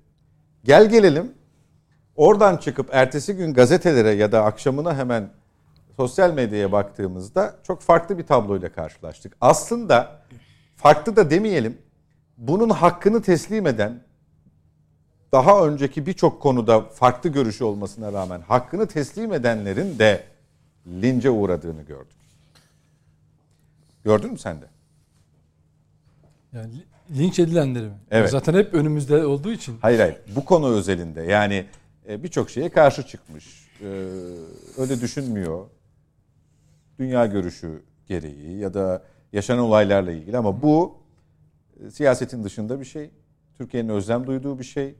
Başarmak üzereyken Ha, bunu e, desteklediği için. hayale uğramış bir ülkenin evladı olarak Evet. babasının dedesinin zamanında ben buna tanıklık ediyorum haleti ruhiyesiyle o satırları kaleme almış ama e, linç kısmını hesap edememiş belli ki. Evet. Şimdi ya gerçekten çok ilginç. Ee, her şey 1961'in tekrarı. Öyle ki yine 29 Ekim 1961 günü Cumhuriyet'in ilanının 38. yıl dönümünde devrim otomobili tanıtılıyor. Ama bir mutsuzluk hikayesi, bir hayal kırıklığı olarak gazeteler ve gazeteciler tarafından o günün siyasetçilerin e, sırtının dönmesi neticesinde topluma yayılıyor. Ve o 60 yıl üzerimizde. Muhtemelen yani e, Masum Bey de onu hep yaşamıştır. O yani biz yerli otomobil deyince devrim der, orada durur başımızı öne eğerdik. Benim gençliğim böyle Türk sanayisiyle ilgili bir şey okuduğunuz zaman, yerli sanayiyle ilgili bir şey okuduğunuz zaman ithalatçıların alıp başını gittiği ama o küçük devrim otomobilinin bir köşede mahzun mahzun e, durduğunu hep gözümüzün önünden ayırmayız. O bizim hayal kırıklığımızdır. Yine bu sefer Cumhuriyet'in 99. yılında 29 Ekim 2002'de TOK otomobili geldi devrimin intikamını aldı arkadaş. Ben böyle benim için o araba şöyle söyleyeyim ne kadar teknolojik ne kadar şu ne kadar bu değil. Hocam benim tarihi bir yenilgimi zafere çevirdi. Ben olayın manevi tarafındayım. Ben belki o arabaya hiç binemeyeceğim. Hiç öyle bir arabaya sahip olamayacağım. Ama onun bana verdiği haz var ya ona binenlerden daha yüksek. Yani ben o arabayı kullananlardan daha büyük keyif alıyorum şu anda onu gördükçe. Ve ben onu yollarda gördükçe gerek otobüsteyim, gerek arabadayım, gerek minibüsten o arabayı geçerken gördüğümde eminim Türkler birbirlerine selektör yapacaklar. Bak bunu göreceksiniz. O araba çıksın yollarda Türkler birbirine selektör yapacaklar. O günleri göreceğiz. Ya çok uzun süre değil ha. Bir yıl sürmeyecek. O, o onu yaşayacak. Ben onu izlerken hep öyle izledim. Böyle ağzım bu kulaklarıma varmış. Böyle onu izledim. Ve 60 yıl önceki o e, buna devrim otomobiline karşı çıkanlar. Masum Bey bir soru sorayım hepinize. E, sonunda onu da tartışalım. Çok enteresandır. Devrimle ilgili kitapları, arşiv şeylerini okuyorum sürekli e, yazı içinde şey yaparken. Hep belli isimler karşıma çıkıyor bu otomobile itiraz edenler. Yani Türkler otomobil yapmamalı. Niye yapmamalı? Ee, işte dünyada zaten üretenler varmış, ithalatı yapıyormuşuz. Ee, işte ithal şey yapanlar, e, ikame e, şeyler varmış, sektörler varmış falan filan zarar olurmuş ekonomiye falan filan. Pahalıya çıkarmış gibi. Ee, şimdi bunu yazanlar kimler biliyor musunuz? 1960 darbesini destekleyen kalemler. Çok enteresandır. Kendine solcuyum veya benzeri diyen bütün kalemler aşağı yukarı ama bütün kalemler lütfen arşivlere bakın. Bu kişiler Menderes döneminin sonuna doğru ağır eleştiriler yapan kimi de yalan yazan, darbeyi de felaket şekilde destekleyenler sonra darbeci Cemal Gürsel'in yerli otomobil yapalım dediği zaman ilk karşı çıkanlar oluyor. Neden? Hiç düşündünüz mü? Hocam hiç düşün, bunu hiç Türkiye hiç düşünmemiştir. Ben iki günden beri bunu düşünüyorum. Ya diyorum 60 darbesini destekleyenler Cemal Gürsel mesela niye yerli otomobil istiyor? Darbe girişiminin bir başarı hikayesine ihtiyacı var. O zaman da bu çok güncel. Çünkü niye? Dünyada otomobil fiyatı patlamış. Amerikan Ford falan patlamış ortalıkta. Türkiye'de ithal ediyor Koç ailesi. Türkiye'de ilk e, Menderes zamanında e, Türkiye'de montaj sanayi olarak e, izinler de veriliyor. 59'da otakar zannediyorum otakarı kuruyorlar ve üretim bir anlamda ithalat olarak e, başlıyor. Ama Menderes'in bir fikri var. Yani biz yerli otomobil yapalım. Çünkü 1954'te e, şeye Ford'a mektup yazıyor. Davetiyede bulunuyor. Onlar da bunu kabul ediyorlar. Ama Menderes'in bir fikri var. Yerli otomobil yapalım. 59'da başlıyor. Hatta Kemalettin Vardar bir videosunu paylaştım ben onun. E, vefatından önce 2016'da bu devrim otomobilin en geç mühendisi. İzmit'te vefat etti. Diyor ki 59'dan beri Türkiye'de yerli otomobil konusu, üretme konusu hep çok tartışıldı. Ama bunu diyor e, tartışla tartışla geldi. Darbeden sonra diyor e, Cemal Gürsel bunu sahiplendi diyor. O sahiplenince diyor bizi diyor hemen görevlendirdiler. Biz 3 ayda diyor bunun diyor tasarımını, üretimini falan yaptık diyor. Şimdi süreç böyle başlıyor. Şimdi düşünüyorum. Ya arkadaş darbeyi deli gibi desteklemişsiniz ama neler yazmışlar ya? Neler yazmışlar? Menderes hakkında falan. Darbecileri yere göğe koyamıyorlar ve darbeye devrim adını da onlar koyuyorlar. Ama o devrimin çocuğu devrim otomobiline sahip çıkmıyorlar. Neden? Çünkü niye biliyor musun? Devrim yerli ve milli. Ulusal bir proje de ondan. Darbe ithal bir projeydi. Onun dibine kadar arkasında durdular. Tıpkı 15 Temmuz'a kontrollü darbe diyenler gibi. Ama devrim devrim dedikleri 27 Mayıs'ın e, başındaki e, Cemal Gürsel devrim otomobili yapılacak dendiği zaman ona karşı duruyorlar. Niye? Çünkü o ulusal bir proje. Çünkü onun memlekete faydası var. Ama darbenin onlara faydası var. Memlekete faydası yoktu. Bir düşünün ne olur. Ya bir insan değil mi arkasında olduğu darbecileri desteklemek için onların projesinin tutmasını istemez mi? Ama istisnasız hepsi aynı şeyleri söylüyor. Diyor ki bunun kapısı zaten örtülmüyor. Aynası yok. Ee, şey kaporta bilmem nerede e, çalınma. İşte parçalar o zaman da, da ithal sorunu var. Ee, arabanın yüzde 50-55 60 yani değişik şeyler okudum. Ee, kendi üretiyorlar. Ama bir bir de bir de hazır parçalar var. Hazır parçalar var. Ya bu zaten yerli değil. Aynı bugün şimdi TOG'a diyorlar ya. Şurası şöyle, burası oradan, burası buradan falan filan. Zannediyorlar ki hani Çinliler bir şeyi projelendirmişler, Almanlar projelendirmişler, İngilizler projelendirmişler. Getirmişler burada montaj yapıyoruz. Onların kafaları öyle çalışıyor. Öyle diyenler de var. Ama bir şeyin bakın iPhone hani örneği veriyorlar. Diyorlar ki bu Amerikan malı değil mi? Bir parçası şu ülkeden bir parçası bu ülkeden şurada montajı yapılıyor. Amerikan malı olarak cebinde taşıyorsun. Şimdi bu e, fikri ve sinayi mülkiyet hakları Türklere ait olan, Türkiye'ye ait olan bir projeden bahsediyoruz. Sen ürünün şu parçasını orada ürettirirsin ama onun bütün şeyi lisansı sana aittir. Bugün Türkiye'de üretilen yabancı marka araçlar var değil mi? Onlara ne diye biniyoruz biz? Daha ileri Yerli arabaya biniyoruz diye mi kullanıyoruz onu? Mesela Mercedes logosu ha? bize vermedikleri F-35'in e, 600'e yakın parçası Evet. Türkiye'de üretildi. Türkiye'de üretildi? Neredeyse Tabii. ana gövdenin önemli bir kısmı Türkiye'de üretildi. Biz mesela atıyorum Mercedes aldığımız zaman e, şey mi yerli milli otomobile mi biniyoruz diyoruz. Alman parası değil mi? Alman Alman aracına biniyorsun diye alıyorsun sen o arabayı. O araba burada. Otobüsüne biniyorsun. Dolayısıyla bakıyorsun 60 yıl önceki kafa neyse bazı zihniyet adamlar hiç değiştirmiyorlar.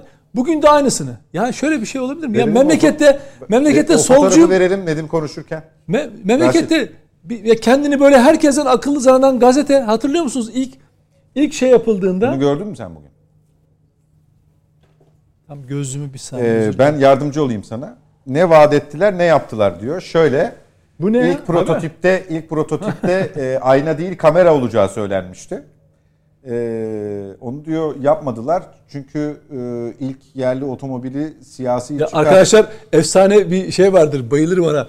Ya, Kaportası da varmış diye bir başlık var. Kamera Onu olduğunu bulsunlar. söylediler. Nasıl? Kamera olduğunu söyledi. Ayna yok kamera var dediler. Tamam işte ilkten öyle dediler.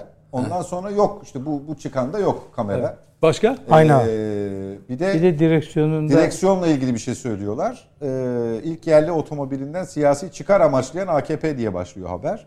Tamam. Ee, hesaplar tutmadı diyor. Öyle devam ediyor. Senin az önce e, devrim şey var. otomobiliyle verdiğin örnekle eşleşsin Ya diye. birebir bak ka- kapor, kaportası da varmış diye bir küpür var. Onu bulsun arkadaşlar. İbreti alem için. Hocam da niye yok diyor ama bak. Bak kaporta bak, Kamera dediler diyor, Şey, yok e, kamera. Gökhan rica etsem kaportası da varmış diye yerli otomobilin kaportası da varmış diye bir haber küpürü var. Gazetenin ismini göstermeseniz de olur. ya ya şey ilk tanıtımlarda hani e, ışık ve kaporta görüntüsü vardı ya araç önünüze doğru geliyordu karanlığın içinden. Onu dalgaya dalga geçmek için kaportası da varmış diyor tamam mı? Ya hocam aynı gazete damadın İHA'ları SİHA'ları başlığını hatırlarsınız falan. Onları atıyorlardı. Dolayısıyla onlar hiç değişmiyorlar. Şunu çok görüyorlar. Bu ülkenin çocukları, gençleri ya bak biz Mete ile Bayraktar'a gittiğimiz zaman ben böyle şaşkınlık içinde kalmıştım. Hani e, araçlar, robotlar falan filan üretiyor falan. Ya gencecik işte blue jeanli, spor ayakkabılı genç kızlar falan filan böyle. Rüzgarda saçları başları uçuyor falan. O İHA'ların içine girmişler, eğilmişler, ona bir şeyler bak. Ya böyle baka kaldım tamam mı? Nasıl heyecanlı, nasıl mutlular, nasıl iyi şeyler yapıyorlar. Aynısını TOG'un mühendislerine de baktığınız zaman da ya diyorsun ki İşte Ben gördüm bizim evet hocam inan bana ekrandan fırlıyordu biliyor musun? Ekrandan o Gökhan Bey'in duyguları, oraya katılanların duyguları ekrandan Gökhan- fırlıyordu Gökhan abi. Ya müthiş bir şey. Yani bakın bu bunu hani şöyle söyleyeyim. Gelece ben şöyle tarif ediyorum. Gelecek kuşak, gelecek kuşak çok şanslı. Gürcan Bey. Ee, Gürcan Bey, özür dilerim. Ee, çok şanslı. Çünkü hep yapabileceklerini, hep daha iyi tasarlayabileceklerini konuşacaklar. Biz yapamazsınız, edemezsiniz, otomobil üretmemelisiniz, üretme, üretemezsiniz. Ya daha bundan 10-15 yıl önce İHA SİHA hayal edilemezdi ya her anları ya İsrailler acaba tamir ederler mi etmezler mi işte falan bakarlar mı? Ya buradaydık. Şimdi bütün dünya peşine düşmüş ya. ya bunu Türk çocukları yapıyorlar. Peki. Bak, E, Masum hocama sorayım ama vaat ettiler kamerayı koymadılar diyor kendisi de. Demedim. Kamera olduğunu söylediler dedim. Yani gelirken Tamam. kamera var dediler. Tamam, Hayır. yok şimdi ne yapalım atalım mı çöpe? Kim arabayı? diyor? Yok yok bu, bu, bu modelde yok. E bu modelde ne olur? Nereden biliyoruz olmadan? Arabanın içinde miydiniz? Arabanın Gördük içinde ya var. yakından. Ay, E, arabanın ayna içinde bir var zaten. E tamam. E, arabanın içinde olmayan bir adam nasıl yazar? Ay, ay- tabii ki ayna koyacaklar. Yani içinde kamera bile olsa bir otomobili dizayn eden adam şu anda dizaynda, tasarımında ayna koymuş. Niye koydun mu diyeceksin. Kamera var içinde. Böyle anlatıldı. Yani şu anda gelirken bakın şimdi ya ben hocam ben size bir şey özel bir şey bir şey cümle Ben- ben Bak, bir şey söyleyeyim. Bunu eleştirenler var ya. Bu, Bu- eleştirenlere kettle bile fazla. Tok ne ki ya? Kettle Yani bile, bir kere kettle bunlara. eleştirenler bilmeden eleştiriyor bir. Yani bu tür eleştirileri bir yana bırakın. Ya da eleştirmek ben için. devrim otomobili dışında kimsenin konuşmadığı, medyanın da hiç sahip çıkmadığı bir iki haber dışında o zaman üniversite öğrencisiydik. Biz bugünkü mali müşavirlik büromuzu dört arkadaş kurmuştuk. Ve yönetim danışmanlığı verdiğimiz bir adam vardı. Oktay Demirağ. Demirağ diye bir şirketi de var. Bu Oktay Demirağ 73 yılıydı galiba. Bu otomobil üretti. Motoru dahil. Yüzde yüz yerli. Dört tekerlekli otomobil üretti. 74-76 yıllar arası da gazetelerde haber oldu. Enteresan bak Nedim. Dört Tabii dört tekerlekli otomobil üretti. Raportana bir gönderme Tabii tabii yani öyle şey değil. Sonradan üç tekerleğe döndü de onun için dört tekerlekli diyorum. Bu otomobil denemeleri yaptı, gitti geldi, aniden otomobil yandı. Aa bunu okumuştum sanki bir yerde. Bak Evet, otomobil evet, evet. yandı. Nasıl yandı kimse bilmiyor. Derken bu bakanlıktan üç tekerlekli otomobil üretme izni aldı. Onu da üretti, piyasaya da verdi. Atatürk'ün e, Neden, doğum gününde Neden üç tekerlekli? E sonra o öyle izin aldı. Yani Yani, yangının sebebi dört tekerlekli oluşundan? Biz ondan sonra müşavirliğini bıraktık. O zaman anladım. ona yönetim danışmanlığı yapıyorduk. Yani mali müşavirlik değil. Nasıl Ama kredi o alır, nasıl, de- nasıl yapar. Üniversite öğrencisiyiz biz ve dört kişi O çalışıyoruz. yanmayla ilgili de devrime benzer bir hikaye var Tabii arkasında. tabii işte, şüphe var e, diye. hayır ikincisini anlatıyorum. İkinci otomobili de 1981'de üretti. Yine o otomobil yandı. Ve işte ne oldu bilmiyorum. Sonra takip etmedim ben. Şimdi devrim otomobilini çocukken yaşamış bir kişiyim ben. Benim de kafama takılan bir soru var. Bunu öğrenci olayları zamanında da böyle hareketlerde söylerdim arkadaşlarıma. Devrim otomobilinin içine benzin konmadığı için yürümedi. Peki ondan sonra sorun belli oldu. Niçin benzin konup yapılmadı? Değil mi? Çok- yani Yo, şey, yo, üstad bir kere devrim otomobilini Ekleme yapayım. Devrim otomobili iki tane meclisin önüne geliyor. Cemal Gürsel birine biniyor. O benzin bittiği için sözde duruyor ama ikincisine binerek Anıtkabir'e gidiyor. Araç daha sonra hipodroma gidiyor. E, resmi geçide törenine katılıyor 29 Ekim törenlerine ve bu dört araç aylarca Türkiye'nin her yerinde tanıtım turları da yapıyor. Bize ama bize ne yaptılar biliyor musunuz? Bize benzini biten o aracın hikayesi üzerinden bir projeyi baltaladılar. Kim yaptı bunu biliyor musunuz? Bizim basınımız. Bizim otomobil ithalatçımız. Şu anda da bizim medya komprador yapıyor. burjuvazimiz. Şu, an, şu anda da medya yapıyor. Bu işte reklamlar var, şunlar bunlar var.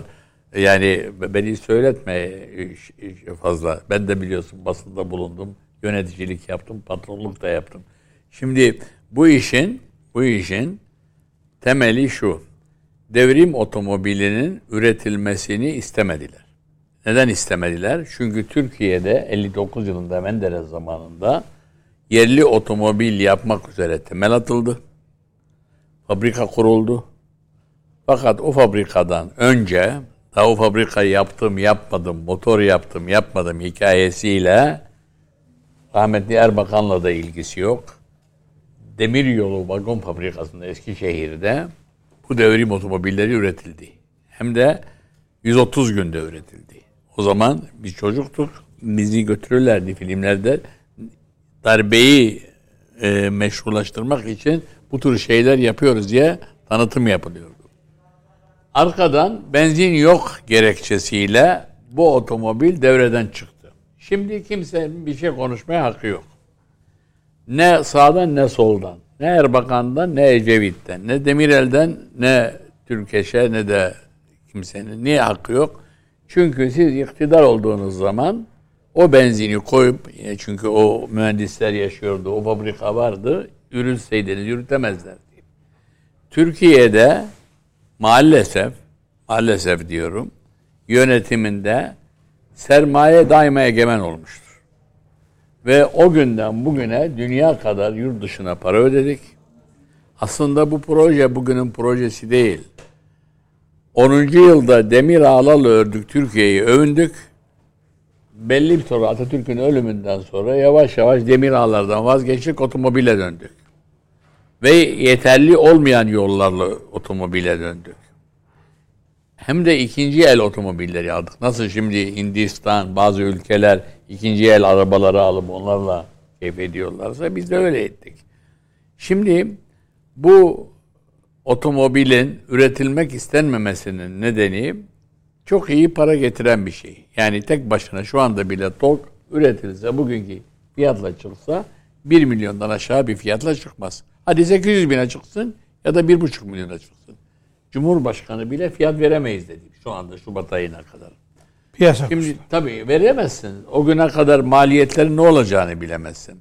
Şimdi neden engelli? Enflasyonist engelli? bir ortamdayız. Belki verilebilirdi daha önce olsa. Yok veremezsiniz. O gün ma- malzemenin fiyatını bilemezsiniz. Yani enflasyon olup olmadığı önemli değil. Kontrolünüzden çıkmış artık. Yani dünyanın kontrolünden çıkmış fiyat artışları. Evet, emtia fiyatları. Yani e, yani bu böyle e, demirin bilmem neyin yani düşünebiliyor musunuz? Şu anda e, altın yükselen altın birdenbire icabında düşüyor. Yani birileri bu işten para kazanıyor, oynuyor, speküle ediyor. Türkiye'de de o birileriyle dünya egemen olan birileriyle de işbirliği yapanlar var. Para kazananlar var. Kimsenin vatan, millet filan düşündükleri yok. Kendi kazançlarına bakıyorlar. Şimdi TOK'tan önce ben parlamentoda yaşadığım için söylüyorum. Biliyorsunuz yerli otomobil yapılması fikrine en çok uyan, en çok sahip çıkan kişi rahmetli Bülent Ecevit'ti. Onun için yerli otomobil kullanırdı diye herkes onu yine aynı medya, hatta sol medya bile tiye alırdı. Yani böyle arabaya mı binilir? Herkes Mercedes'e binerken Renault'a mı binilir filan diye. Ama rahmetli Ecevit bize verdiği talimatla her yıl bütçede belli oranda otomobildeki yerlilik oranını arttırdık. Yani dedik ki devletin satın alacağı otomobillerdeki yerli oranı yüzde 60 olmalı. Yüzde 70 olmalı. Sonra 2002'de iktidar değişti. Kimseyi suçlamak için değil. Oynayan el birdenbire oynadı. Aniden bu yerlilik oranı arayışı sona erdi. Bakın. Tekrar montaj sanayine döndü. Aslında eskiden de montajdık ama yavaş yavaş yerlileşmeye giden bir montaj sanayiydi. Şimdi bu TOG'la ilgili ne oluyor? TOG'un özelliği şu. TOG'u şu anda devreye sokan firma yerli sermayedar. Ve bu yerli sermayedarın bir başka oyun alanı var. Bu işten para kazananla aynı sahada rekabet ediyor. Çarpışıyor. Aralarında bir de Odalar Birliği var. Oda sermayeden. Şimdi TOG'la neden yapılıyor? İki nedenle e, baskı kuruluyor. Bir siyasi, iki ticari. Ticari olan siyaseti de yönlendiriyor. Yani şimdi böyle e, belli yerlerde bu işe reklamlar girecek, kampanyalar girecek, istediğini ambargolayacak, istediğini yazdıracak. Türkiye'de böyle bir mekanizma olduğunu biliyoruz. Bu mekanizma dolayısıyla TOG'la ilgili bunlar yazılıp çiziliyor, söyleniyor. Bakın ben demokratik solcuyum. Ben bu TOG'un yapılmasından fevkalade memnunum. Yapan kim olursa olsun hiç ya onu mu övüyorum filan diye bu Türkiye'nin başarısı.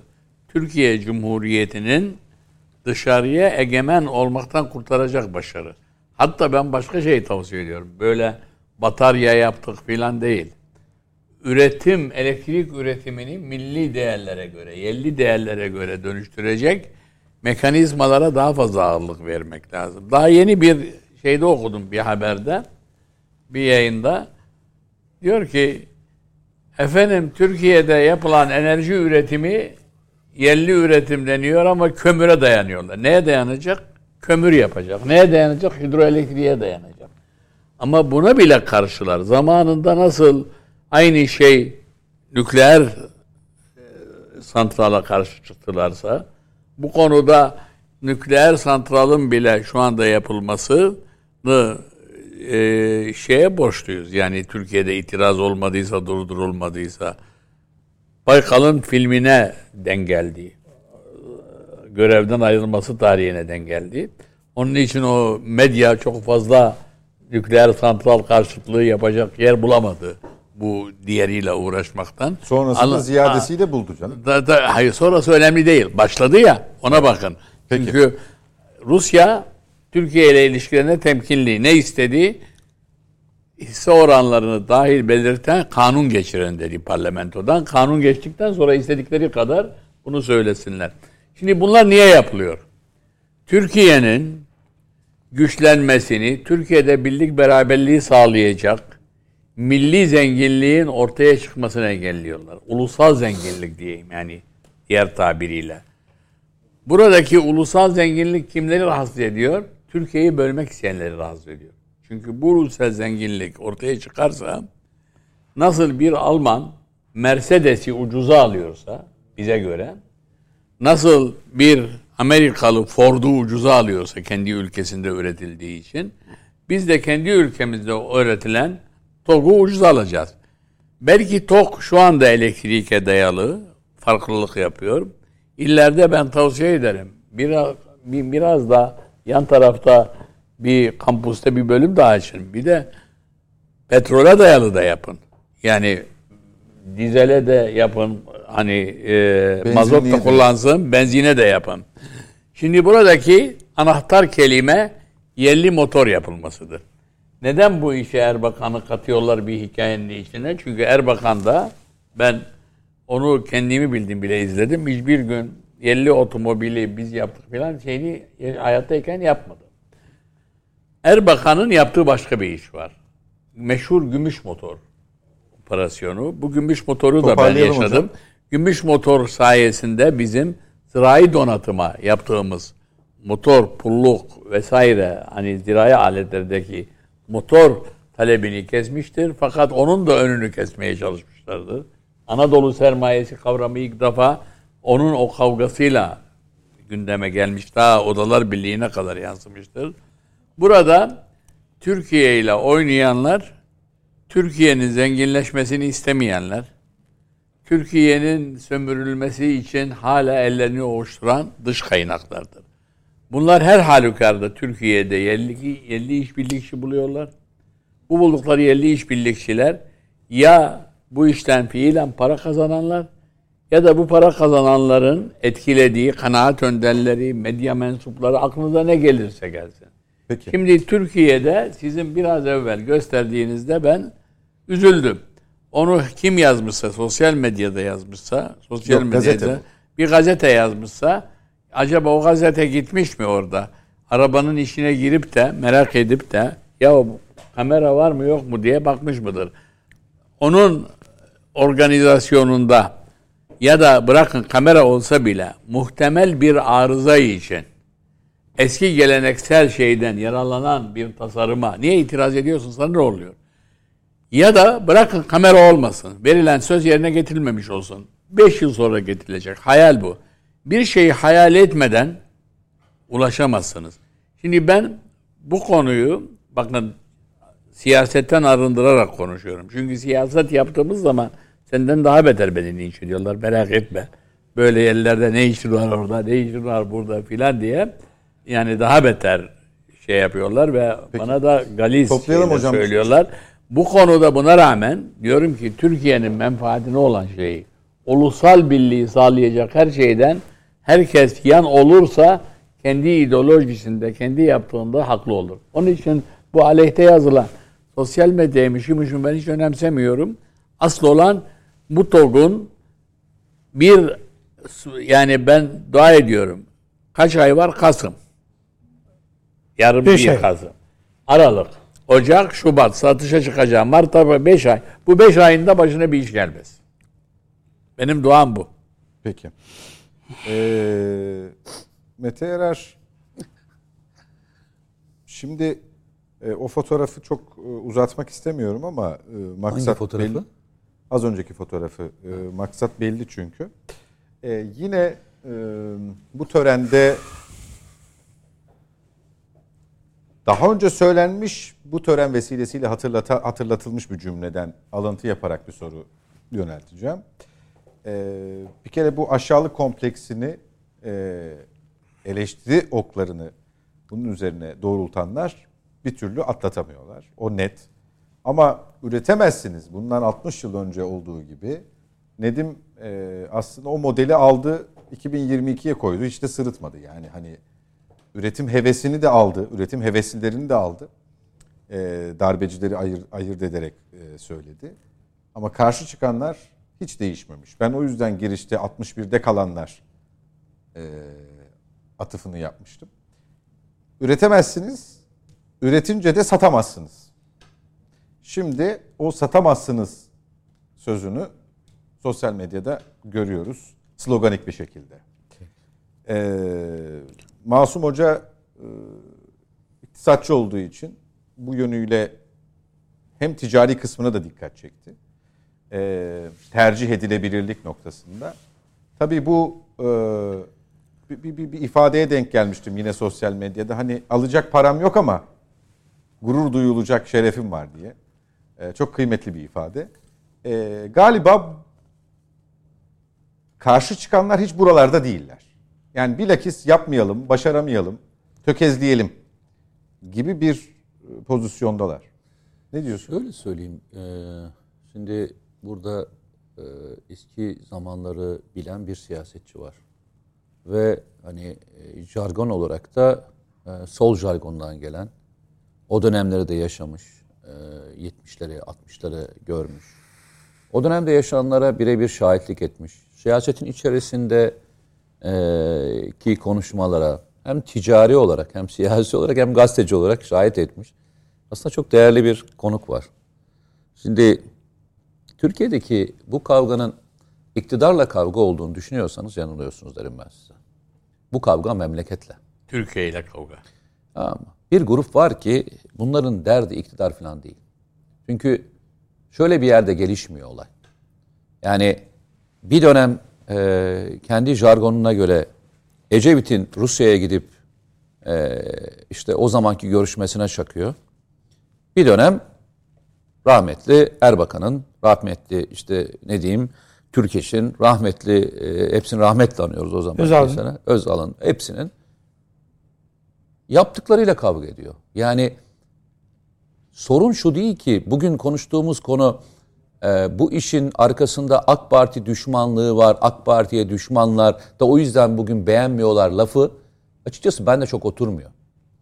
Çünkü eğer böyle oturmuş olsa 1960'daki Kavga neydi? kavga ne için? 70'teki kavga ne için? 80'deki kavga ne için? 90'daki kavga ne için? 2000'deki kavga ne için? Bunların derdi hiçbir zaman iktidar olmamış ama şöyle bir jargonu çok iyi kullanmışlar.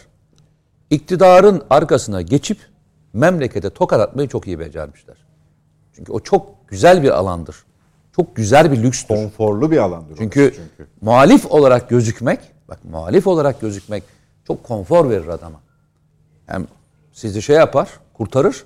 Hem de oradan çaktığınızda kime çaktığınızı da anlamazsınız. Devrim arabaları hikayesine devrim arabaları yapanlar şunu söylüyorlar. Ya diyorlar ki biz bu arabayı yaparken itirazın yurt dışından geleceğini düşünürken memleketin en e, ne diyeyim ulusalcı kesiminden dayak yedik diyorlar. Biz Türkiye'de bundan para kazananlar bizi döveceğini zannederken bunu teşvik etmesi gereken insanların bizim hakkımızda aleyhimize yazdıklarını gördük diyorlar. Bu yazıyı yalnızca 1960'lara da gitmeyin. 1940'lara gittiğinizde Marshall yardımlarıyla başlayan sürecin içerisinde demin söylenen sözlerin içindeki insanların yazdıklarını da görürsünüz. Ya bu memleketin sorunu iktidarla, iktidara eleştirin arkadaşlar. Her zaman söylüyorum. İktidar eleştirilerek bir yere gelir. İktidar eleştirilerek bir yere gelir. İktidarla kavga edin. Ama bunlar iktidarla falan kavga etmiyorlar. Bunlar memleketle kavga ediyorlar. Memlekette kavga ettikleri içinde geldiğimiz yerde akıl bulmak çok zor. Ben buradaki herkese soruyorum. TOK projesine devletin kasasından para çıktı mı? Biliyor musunuz? Sen biliyor musun? Biliyor musunuz? Biliyor musunuz? Ortak değil ki Özel, devlet. özel. Efendim? Ortak değil ki devlet. Devlet ortak Ee, değil. şu, şey sadece e, arsa vesaire Ben teşvik. söyleyeyim size. Eh.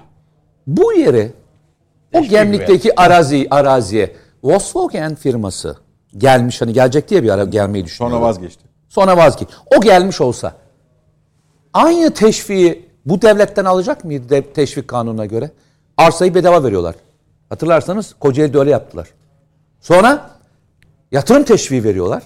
Sonra belli bir müddet KDV'den yap- ayrı koyuyorlar. Sebep ne? Niçin gelmesini istiyorlar Türkiye'ye? Niçin gelmesini istiyorlar? Katma değer oluştursun. İnsanlar iş sahibi olsun. Onun yan sanayisi Türkiye'de oluşsun değil mi? Bak aynı mal yabancıya olduğunda helal, memlekete olduğunda haram. Bakabilir misiniz? Siz deseniz ki bana bu devletin bir şirketi, devlet araba satmaya karar verdi. Araba satmaya karar verdi. Ben de sizin aynı şeyi düşünürüm. Ben de siz aynı şeyi düşünürüm. Güney Koreliler Osman Aralat e, Dünya Gazetesi'nde yazarken bu ile ilgili Dünya şey e, Güney Kore ile ilgili bir yazısını buldum, okudum. Kitapları da okuduğum için bu bir master tezi aslında. Bu e, devrim arabaların kitabı bir master tezinden kitaba çevriliyor. Osman Aralat diyor ki ilk arabayı yaptıklarında Güney Koreliler ne yapıyorlar biliyor musun? Amerikan arabalarını söküp hurda arabalarını söküp araba yapıyorlar. İlk arabaları bu biliyor musunuz? Biliyor muydunuz bunu? İlk yaptıkları araba Amerikan arabalarını söküp hurdalarından araba yapıyorlar. Sence Güney Kore'de şöyle demişler midir? Siz araba mı yaptınız falan diye böyle aşağılayan bir topluluk olmuş mudur mesela? Buradan araba mı yaptınız diye mesela. Arkasından diyorlar ki tamam biz bir şeyler yapmayı öğrendik. Yavaş yavaş öğreniyoruz. Hadi diyorlar yurt dışından da şimdi yabancı ortaklar getirin. Burada montajlı araba yapmaya başlayalım diyorlar. Şirketleri birbirleriyle evlendiriyorlar. Sonra devlet diyor ki şimdi buraya kadar geldiniz. Şimdi diyor biz devreye giriyoruz. Size teşvikler veriyoruz. Artık kendi markanızı yaratın. Şimdi bu böyle anlatıldığında bana çok cazip geliyor ve şöyle anlatıyoruz. Güney Kore modeli. Türkiye'ye geldiğinde şöyle diyoruz.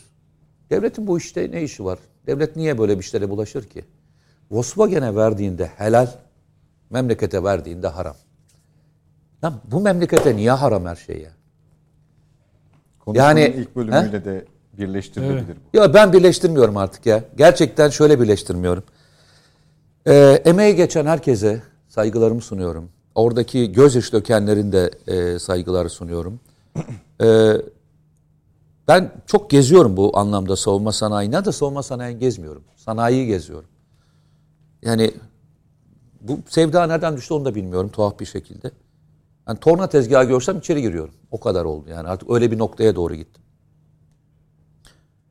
İnsanlar şunu söylüyorlar yani e, ya bizim hakkımızı savun, savunuyorsunuz çok teşekkür ederiz. Ben diyorum ki Ya arkadaşlar sizin hakkınızı savunacak bir şey yok. Biz hani hakkımızı helal edin bize helal edin de, diyebilirim ancak ben sizin hakkınızı niye savunayım? Hani sizi niye savunayım ki? Siz doğru bir şey yapıyorsunuz. Şirket kuruyorsunuz. Şirketinizde bir ürün ortaya çıkartıyorsunuz. Bunu yurt dışına satıyorsunuz. Şimdi Türkiye'nin atmosferinde, Türkiye'nin e, ekosisteminde araba yapma potansiyeli var mı yok mu? Var. Çünkü bütün malzemeyi zaten Avrupa'ya siz satıyorsunuz. Her şey jantından motoruna, motorun şaftından işte ne diyeyim her şeyine. Yüzdesini arttırırsınız, eksiltirsiniz. Yüzde 60 dersiniz, yüzde 51 dersiniz. Fark etmez. Şunu anlamakta zorlanıyorlar. Arkadaşlar biz Türkiye'de yerli araba yapıyoruz. Karıştırdığınız başka bir şey var. Türkiye'de milli ilk araba yapıldı. Yani lisans hakları sizde olan ve dünyada nerede üretilirse üretilsin sizin izin verdiğiniz fabrikaların kurulacağı yerler olacak olan bir ürün ortaya çıkartıyorsunuz. Türkiye'deki fabrikayı Fransız adresi ki ben artık Türkiye'deki yapmaktan vazgeçtim ve ben bu fabrikayı kapatıyorum desen. İtiraz hakkın var mı? Yok. Yerli üretim ama size ait değil. Kapattığı anda bittiniz. Bittiniz. Ve siz bir modelle diyorsunuz ki ben milli bir araba yapıyorum ve bunu burada yapacağım diyorsunuz. Arkadaş bundan niye rahatsız olursunuz? Hasbelkal diyelim. Ya bu fabrika batsın. Yani bir defa da diyelim ki fabrika yaptık, ürettik ve battık. Sizin dediğiniz gibi en azından benzin koymayı unuttuk diye bir hikayemiz olmaz. Beceremedik deriz. Hani diyorlar ya böyle çocuklara falan hani küçüklere bu baktıklarına ben bu, bu tayfanın bu liberal tayfa hep Amerikan rüyası diyor ya. Aynı şeye geliyor. Hani diyor ya çocukların önünden oyuncakları almayın. Onları isteksiz yaparsınız. Gerekirse bırakın kırsın. Ya ben ne diyorum ki? Bu sefer de diyorum ki ya memleketin insanı kırsın ya. Memleketin insanı batırsın. Biz kırmış olalım. Ha, biz kırmış olalım. Biz bir yola çıkıp da başaramamış olalım. Hikayemizin sonu da öyle bitsin ya. Bak hikayemizin sonu öyle bitsin. Niye hevasını kırıyorsunuz Türkiye'deki insanların? Devletin cebinden bir kuruş para çıkmamış. Ortada bir altyapı oluşmuş. Ve bu bu yapı bir yere doğru gidecek. Gider veya gitmez. Niye baştan hayır diyorsunuz arkadaş? Dünyanın her tarafında kurulacak olan her şirketi alkışlayıp bravo. Bir atölyede, bir garajda kurulmuş olan bir şirkettir diye hikaye anlatıyorsunuz. Arkadaş Türkiye'nin içerisinde de bir şirket kuruldu ya. Bu da sizin hikayeniz ya. Sizin memleketin hikayesi ya. Memleketin hikayesi ya. Bırakın memleketin hikayesi olarak batalım ya. El alemin hikayesini dinlemekten bıkmadınız mı arkadaşlar? Bu araba zaten ne kadar üretilecek? Rakamlara baktınız mı? Başlangıç itibariyle zaten fabrikanın şu anda full kapasite çalışsa 175 bin. Ben size söyleyeyim. Bu 175 bin bu ülkede satılamaz mı? Zaten satamıyorsanız kapatın. Zaten dünyayı satamazsınız. 175 bin. Amacınız ne? 1 milyon. Dediği çok doğru. Bak bu fabrika kurulmaya başlandı. 3 tane fabrika Türkiye'de bununla ilgili yatırım teşviki aldı. Aynı modelde. Elektrikli araba. Niye? Çünkü Türkiye'de bunun şeyi kurulacak. Bir altyapısı olacak. Merkezi- Pil merkezi olacak. Pil merkezi olacak. Bununla ilgili olan başka üniteler oluşmaya başlayacak. Adam kafası çalışmıyor mu? Şöyle mi düşünüyor? Mesela Japonlar Türkiye'deki fabrikayı, elektrik fabrikayı, İngilizler, işte Amerikalılar burada fabrika kurmaya karar veriyorlar. Ama Türkiye'yi yetersiz görüyorlar. Öyle mi? Onlar yeterli görüyorlar. Biz yeterli göremiyoruz kendimizi. Değil Aşağılamaktan. canım görmeyenler var. Baba bak. ya Be- be- ya bak yani patron. katma. Bak ben söyle Hüseyin sen ya üstadım. küçük bir ben bak bir şey söyleyeyim. bak hikayenin bir kısmını anlatıyorlar. Bu hikayenin bir kısmını geçmişte de böyle anlatmışlar. Bak demin söyledi ya. Ben hikayenin biraz daha devam edeyim mi isterseniz? O arabalar sonra dediği gibi Türkiye'nin her tarafında Türkiye'nin o zaman yol yok biliyorsunuz. Yani 60'lı yıllarda nerede her tarafta yol var? O taşlı, kışlı, kuşlu yollarda her biri 5000 kilometre yol testine çıkıyor. Bak o zamanın kilometresi de 5000 kilometre. Arabaların her biri. Beşer bin kilometre yola çıkıyor. Dönüyor. Tenis sonuçlarını alıyorlar. Diyorlar ki bak proje bitmemiş bu arada. Onu söyleyeyim proje devam ediyor. Yani hikaye şeyde kalmıyor. Ee, benzin koymayı unuttular. Hikaye bitmiyor. Orada bitmiyor hikaye. Çalışmaya devam ediyor ekip. Sonra diyorlar ki ya biz 5000 kilometrede yaptık. Hatalarımız neyse bulduk. Biz arabayı onardık. Yani şu anda araba mükemmel ne yapalımız diyorlar. Cumhurbaşkanlar randevu istiyorlar. Ne diyorlar biliyor musunuz onlar adamlar? Kitabı alın okuyun. Çok ilginç ya. Randevu alamıyorlar. Randevu alamıyorlar.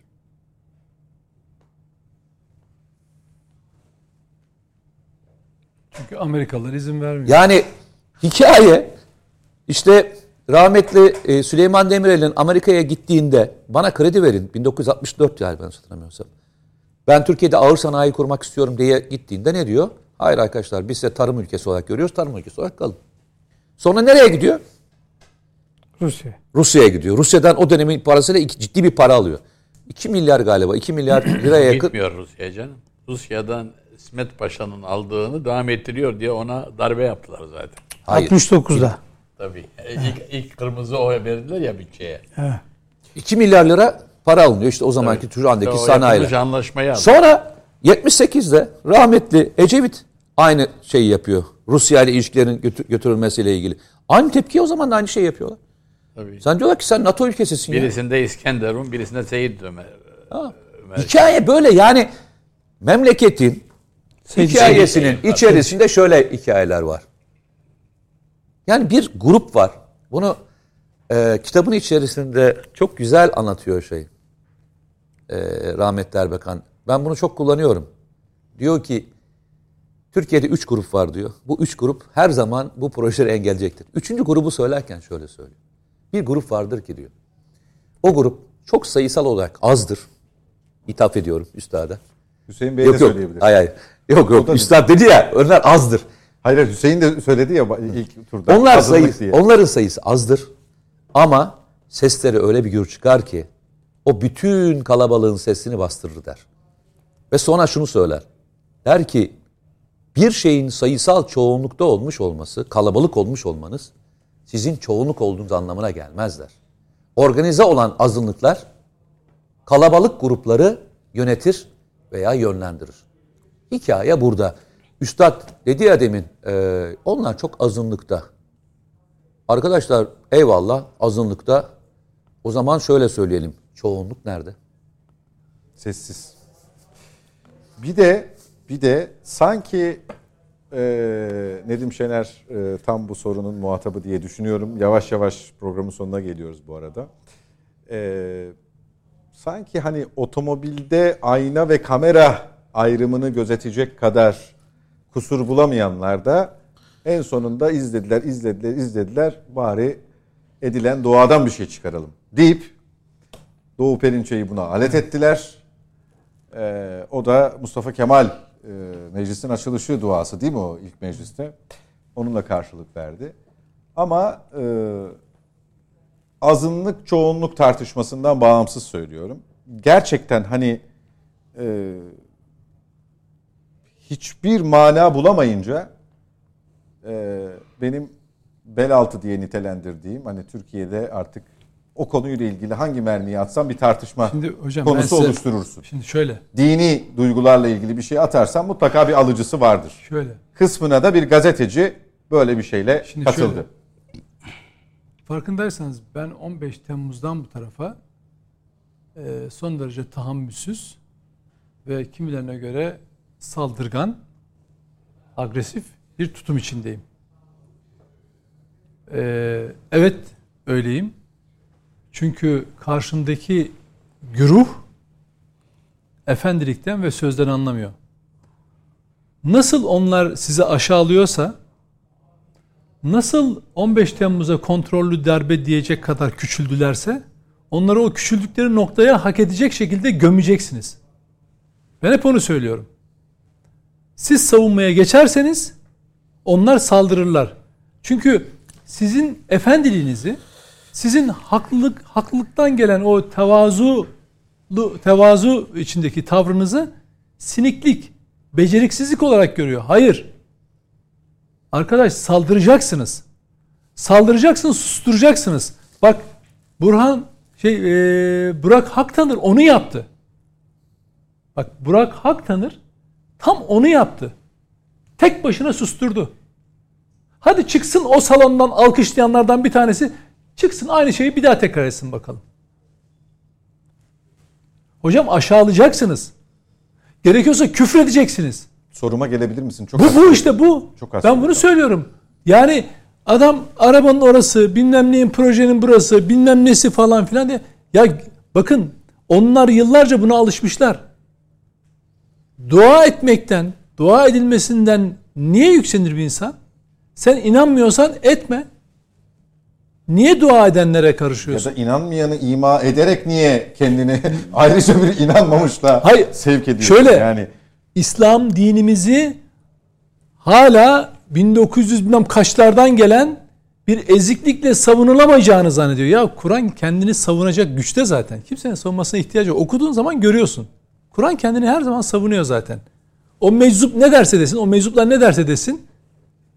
Hiç dua etmeyen de olsa Kur'an kendini koruyor, savunuyor. Şimdi bu adamlara, bu adamlara onun diliyle saldıracaksınız. Bakın susturacaksınız.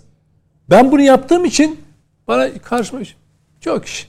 Ya işte hani yani işte ona cevap verme. Hayır arkadaş. Yerin dibine sokana kadar uğraşacağım. Sen 15 Temmuz'a te- kontrollü darbe eden bütün alçaklara ben onun bedelini ödeteceğim. Ben söz verdim. 15 Temmuz'dan beri bunu söylüyorum burada da kaç defa. Şehitlere sözümüz var. Ben PKK'da mücadelede şehit olmuşun hakkını savunmayacağım. Şöyle kendimi önemseyeceğim. Ya ben işte tırnak içinde Nedim Şener falan işte yazıyorum falan filan. Ne kadar önemliyim değil mi? Bak kendime göre bak güya. Peki 11 aylık bebek annesiyle hayat havaya uçurulmuş. Hayat hakkı tanınmamış. O benden değersiz mi şimdi? O benden ben niye Bedirhan bebek deyip duruyorum 11 aylık be- Bedirhan bebekten bahsediyorum? Yahu bundan daha çarpıcı örnek var mı? 11 aylık bebek annesiyle havaya uçurulmuş. Bu memlekette aydınım diyen, solcuyum diyen, sağcıyım diyen ya da efendim e, demokratım, efendim e, entelektüelim diyen adamlardan gıkı çıkmıyor ya. Dünyayı dünyayı başına indirirler ya. Bu gök kubbe insanın başına iner kardeşim. Ben bunu savunamazsam, ben bunu söyleyemezsem, ben bunu ben buna susanları aşağılamazsam o çocuk benden yemin ediyorum ahirette hesap sorar. Dolayısıyla saldıracaksınız. Tek yapmak istedikleri ne biliyor musunuz? Mete'de de var, bende de var, o duygusal hepimizde var. Kızıyoruz, küsüyoruz, içimize kapanıyoruz. Bizi yıldırmak istiyorlar. Hak, diyorlar ki itibarsızlaştıralım. Lan adam dur, hala direniyor. Söylediğini inkar et, şey yapalım, iftira atalım. Adam hala mücadele ediyor. istiyorlar. Adamı diyor ki küstürelim. Ne yapalım? Tahkir edelim. Mesela ne yapalım? Küfür edelim. Grup ya. Ya düşünebiliyor musun? FETÖ'cüler hep bir ağızdan beraber ana avrat küfre başlıyorlar. PKK'lılar ana avrat belli yani hani etmeyecek adamlar bile belli şeyler tutum içinde olan bakıyorsun sa- saydırıyorlar. Sürekli saydırıyorlar. Belli ki organizasyon var. Niye yapıyorlar bunu? Nedim sen sus. Nedim sen sus. Mesela şöyle Sözde FETÖ PKK ağzına alanlar var. Güya milliyetçi görünen tipler de var ortada gazeteci. Mesela onlara hiç saldırmıyorlar. Küçük büyük adamlar var ya böyle ortalarda. Onlar da FETÖ falan yazıyorlar falan. Hiç. Onlara hiç FETÖ'cüler girmiyor mesela. PKK'lılar da hiç girmiyorlar onlara mesela. Ama Mete'ye saydırıyor. Bana saydırıyor. Niye? Çünkü biliyor ki şu or- memleketteki Ahmet Efendi'nin, Ayşe anamızın vicdanının sesini dile getiriyoruz. Aynı Burak'ın söylediği gibi. O yüzden siz diyorsunuz ki işte niye öyle yapıyorlar? Hiç önemli değil. Onların elinden bir, söylem alacaksınız. İki, size ne yapıyorsa misliyle mukabele edeceksiniz. Aşağılayacaksınız kardeşim. Ya ha, hakaretse hakaret edeceksiniz. Kavgaysa kavga, e, e, sopayla birbirimize gireceğiz ama bu ülkede hakkı te- hakkı hakka teslim edeceğiz kardeşim. Başka türlü olmaz. Bak hep söylüyorum ben şaka yapmıyorum. Gün gelir her türlü mücadelenin içine gireriz. Ama şunu söylüyorum. Şehitlerin hakkını ödeyemeyiz. Öyle bu işler böyle rakam makam falan değil. O 11 aylık bebek bak tekrar ediyorum. Yasin Börüler bir takım insanlar demokrasi göz- oynasın diye ölmediler bu ülkede. Şehit olmadılar. Annesiyle ya. Ya bu nasıl insanlar içine sığıyor? Öğretmenler, hekimler ya, doktorlar. Şebnem Korur Fincancı değil mi? Doktor değil mi? PKK'nın şehit ettiği doktorlar için tek kelime etmiş mi hayatında? Hemşireler için tek kelime etmiş mi? Tutuyorsun onun adını anıp kürsüden ona ithaf ediyorsun. Ya Onat Kutlar sinema e, e, eleştirmeniydi gazeteci büyüğümüz. Asistanı Yasemin Cebenoyan Taksim'in göbeğinde şehit edildi PKK'lılar tarafından.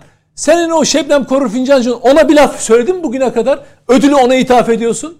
Burak'a laf söylüyorsunuz. Bu çelişkileri yüzüne yüzüne vuracağız insanların. Bak başka türlü bir mücadele olmaz. Bu, siz zannediyorsunuz ki PKK ile mücadele dağda e, askerler, emniyet güçleri işte adliye, e, emniyet e, sokakta. Hocam bu alanda propaganda alanında şakır şakır mücadele edeceğiz. Ağızlarını açtırmayacağız. Bak hak adına, gerçek adına. Çocuk diyor ki ithaf etmem bile önemli değil. Yalan söyleme. Bak HDP'liler hemen sahip çık- çıkıyorlar ona. Biz ona sahip çıkmak için kendimizi yırtıyoruz burada. Peki. Çok teşekkür ediyorum. Mete Yarar, Nedim Şener, Hüseyin Nikoğlu, Masum Hocam. Memnun kaldınız mı? Tabii ben bir şey söylemek Her istiyorum. zaman memnunuz. Çok kısa Dua ile ilgili. Şimdi malum e, her milli bayram vesaire günlerde işte Mustafa Kemal Atatürk'ün ismi hutbede okunmadı diye kıyameti koparırlar. O e, Açılışta da ilk O- baştaydı o- ismi. hayır. O e, eleştirdikleri duada ne vardı? Diyanet İşleri Başkanı'nın söylediği başta Cumhuriyetimizin kurucusu Mustafa Kemal Paşa olmak üzere İşte baştaydı diyorum ya. devletimizin kuruluşunda emeği geçen bütün büyüklerimizi saygıyla yad ediyor.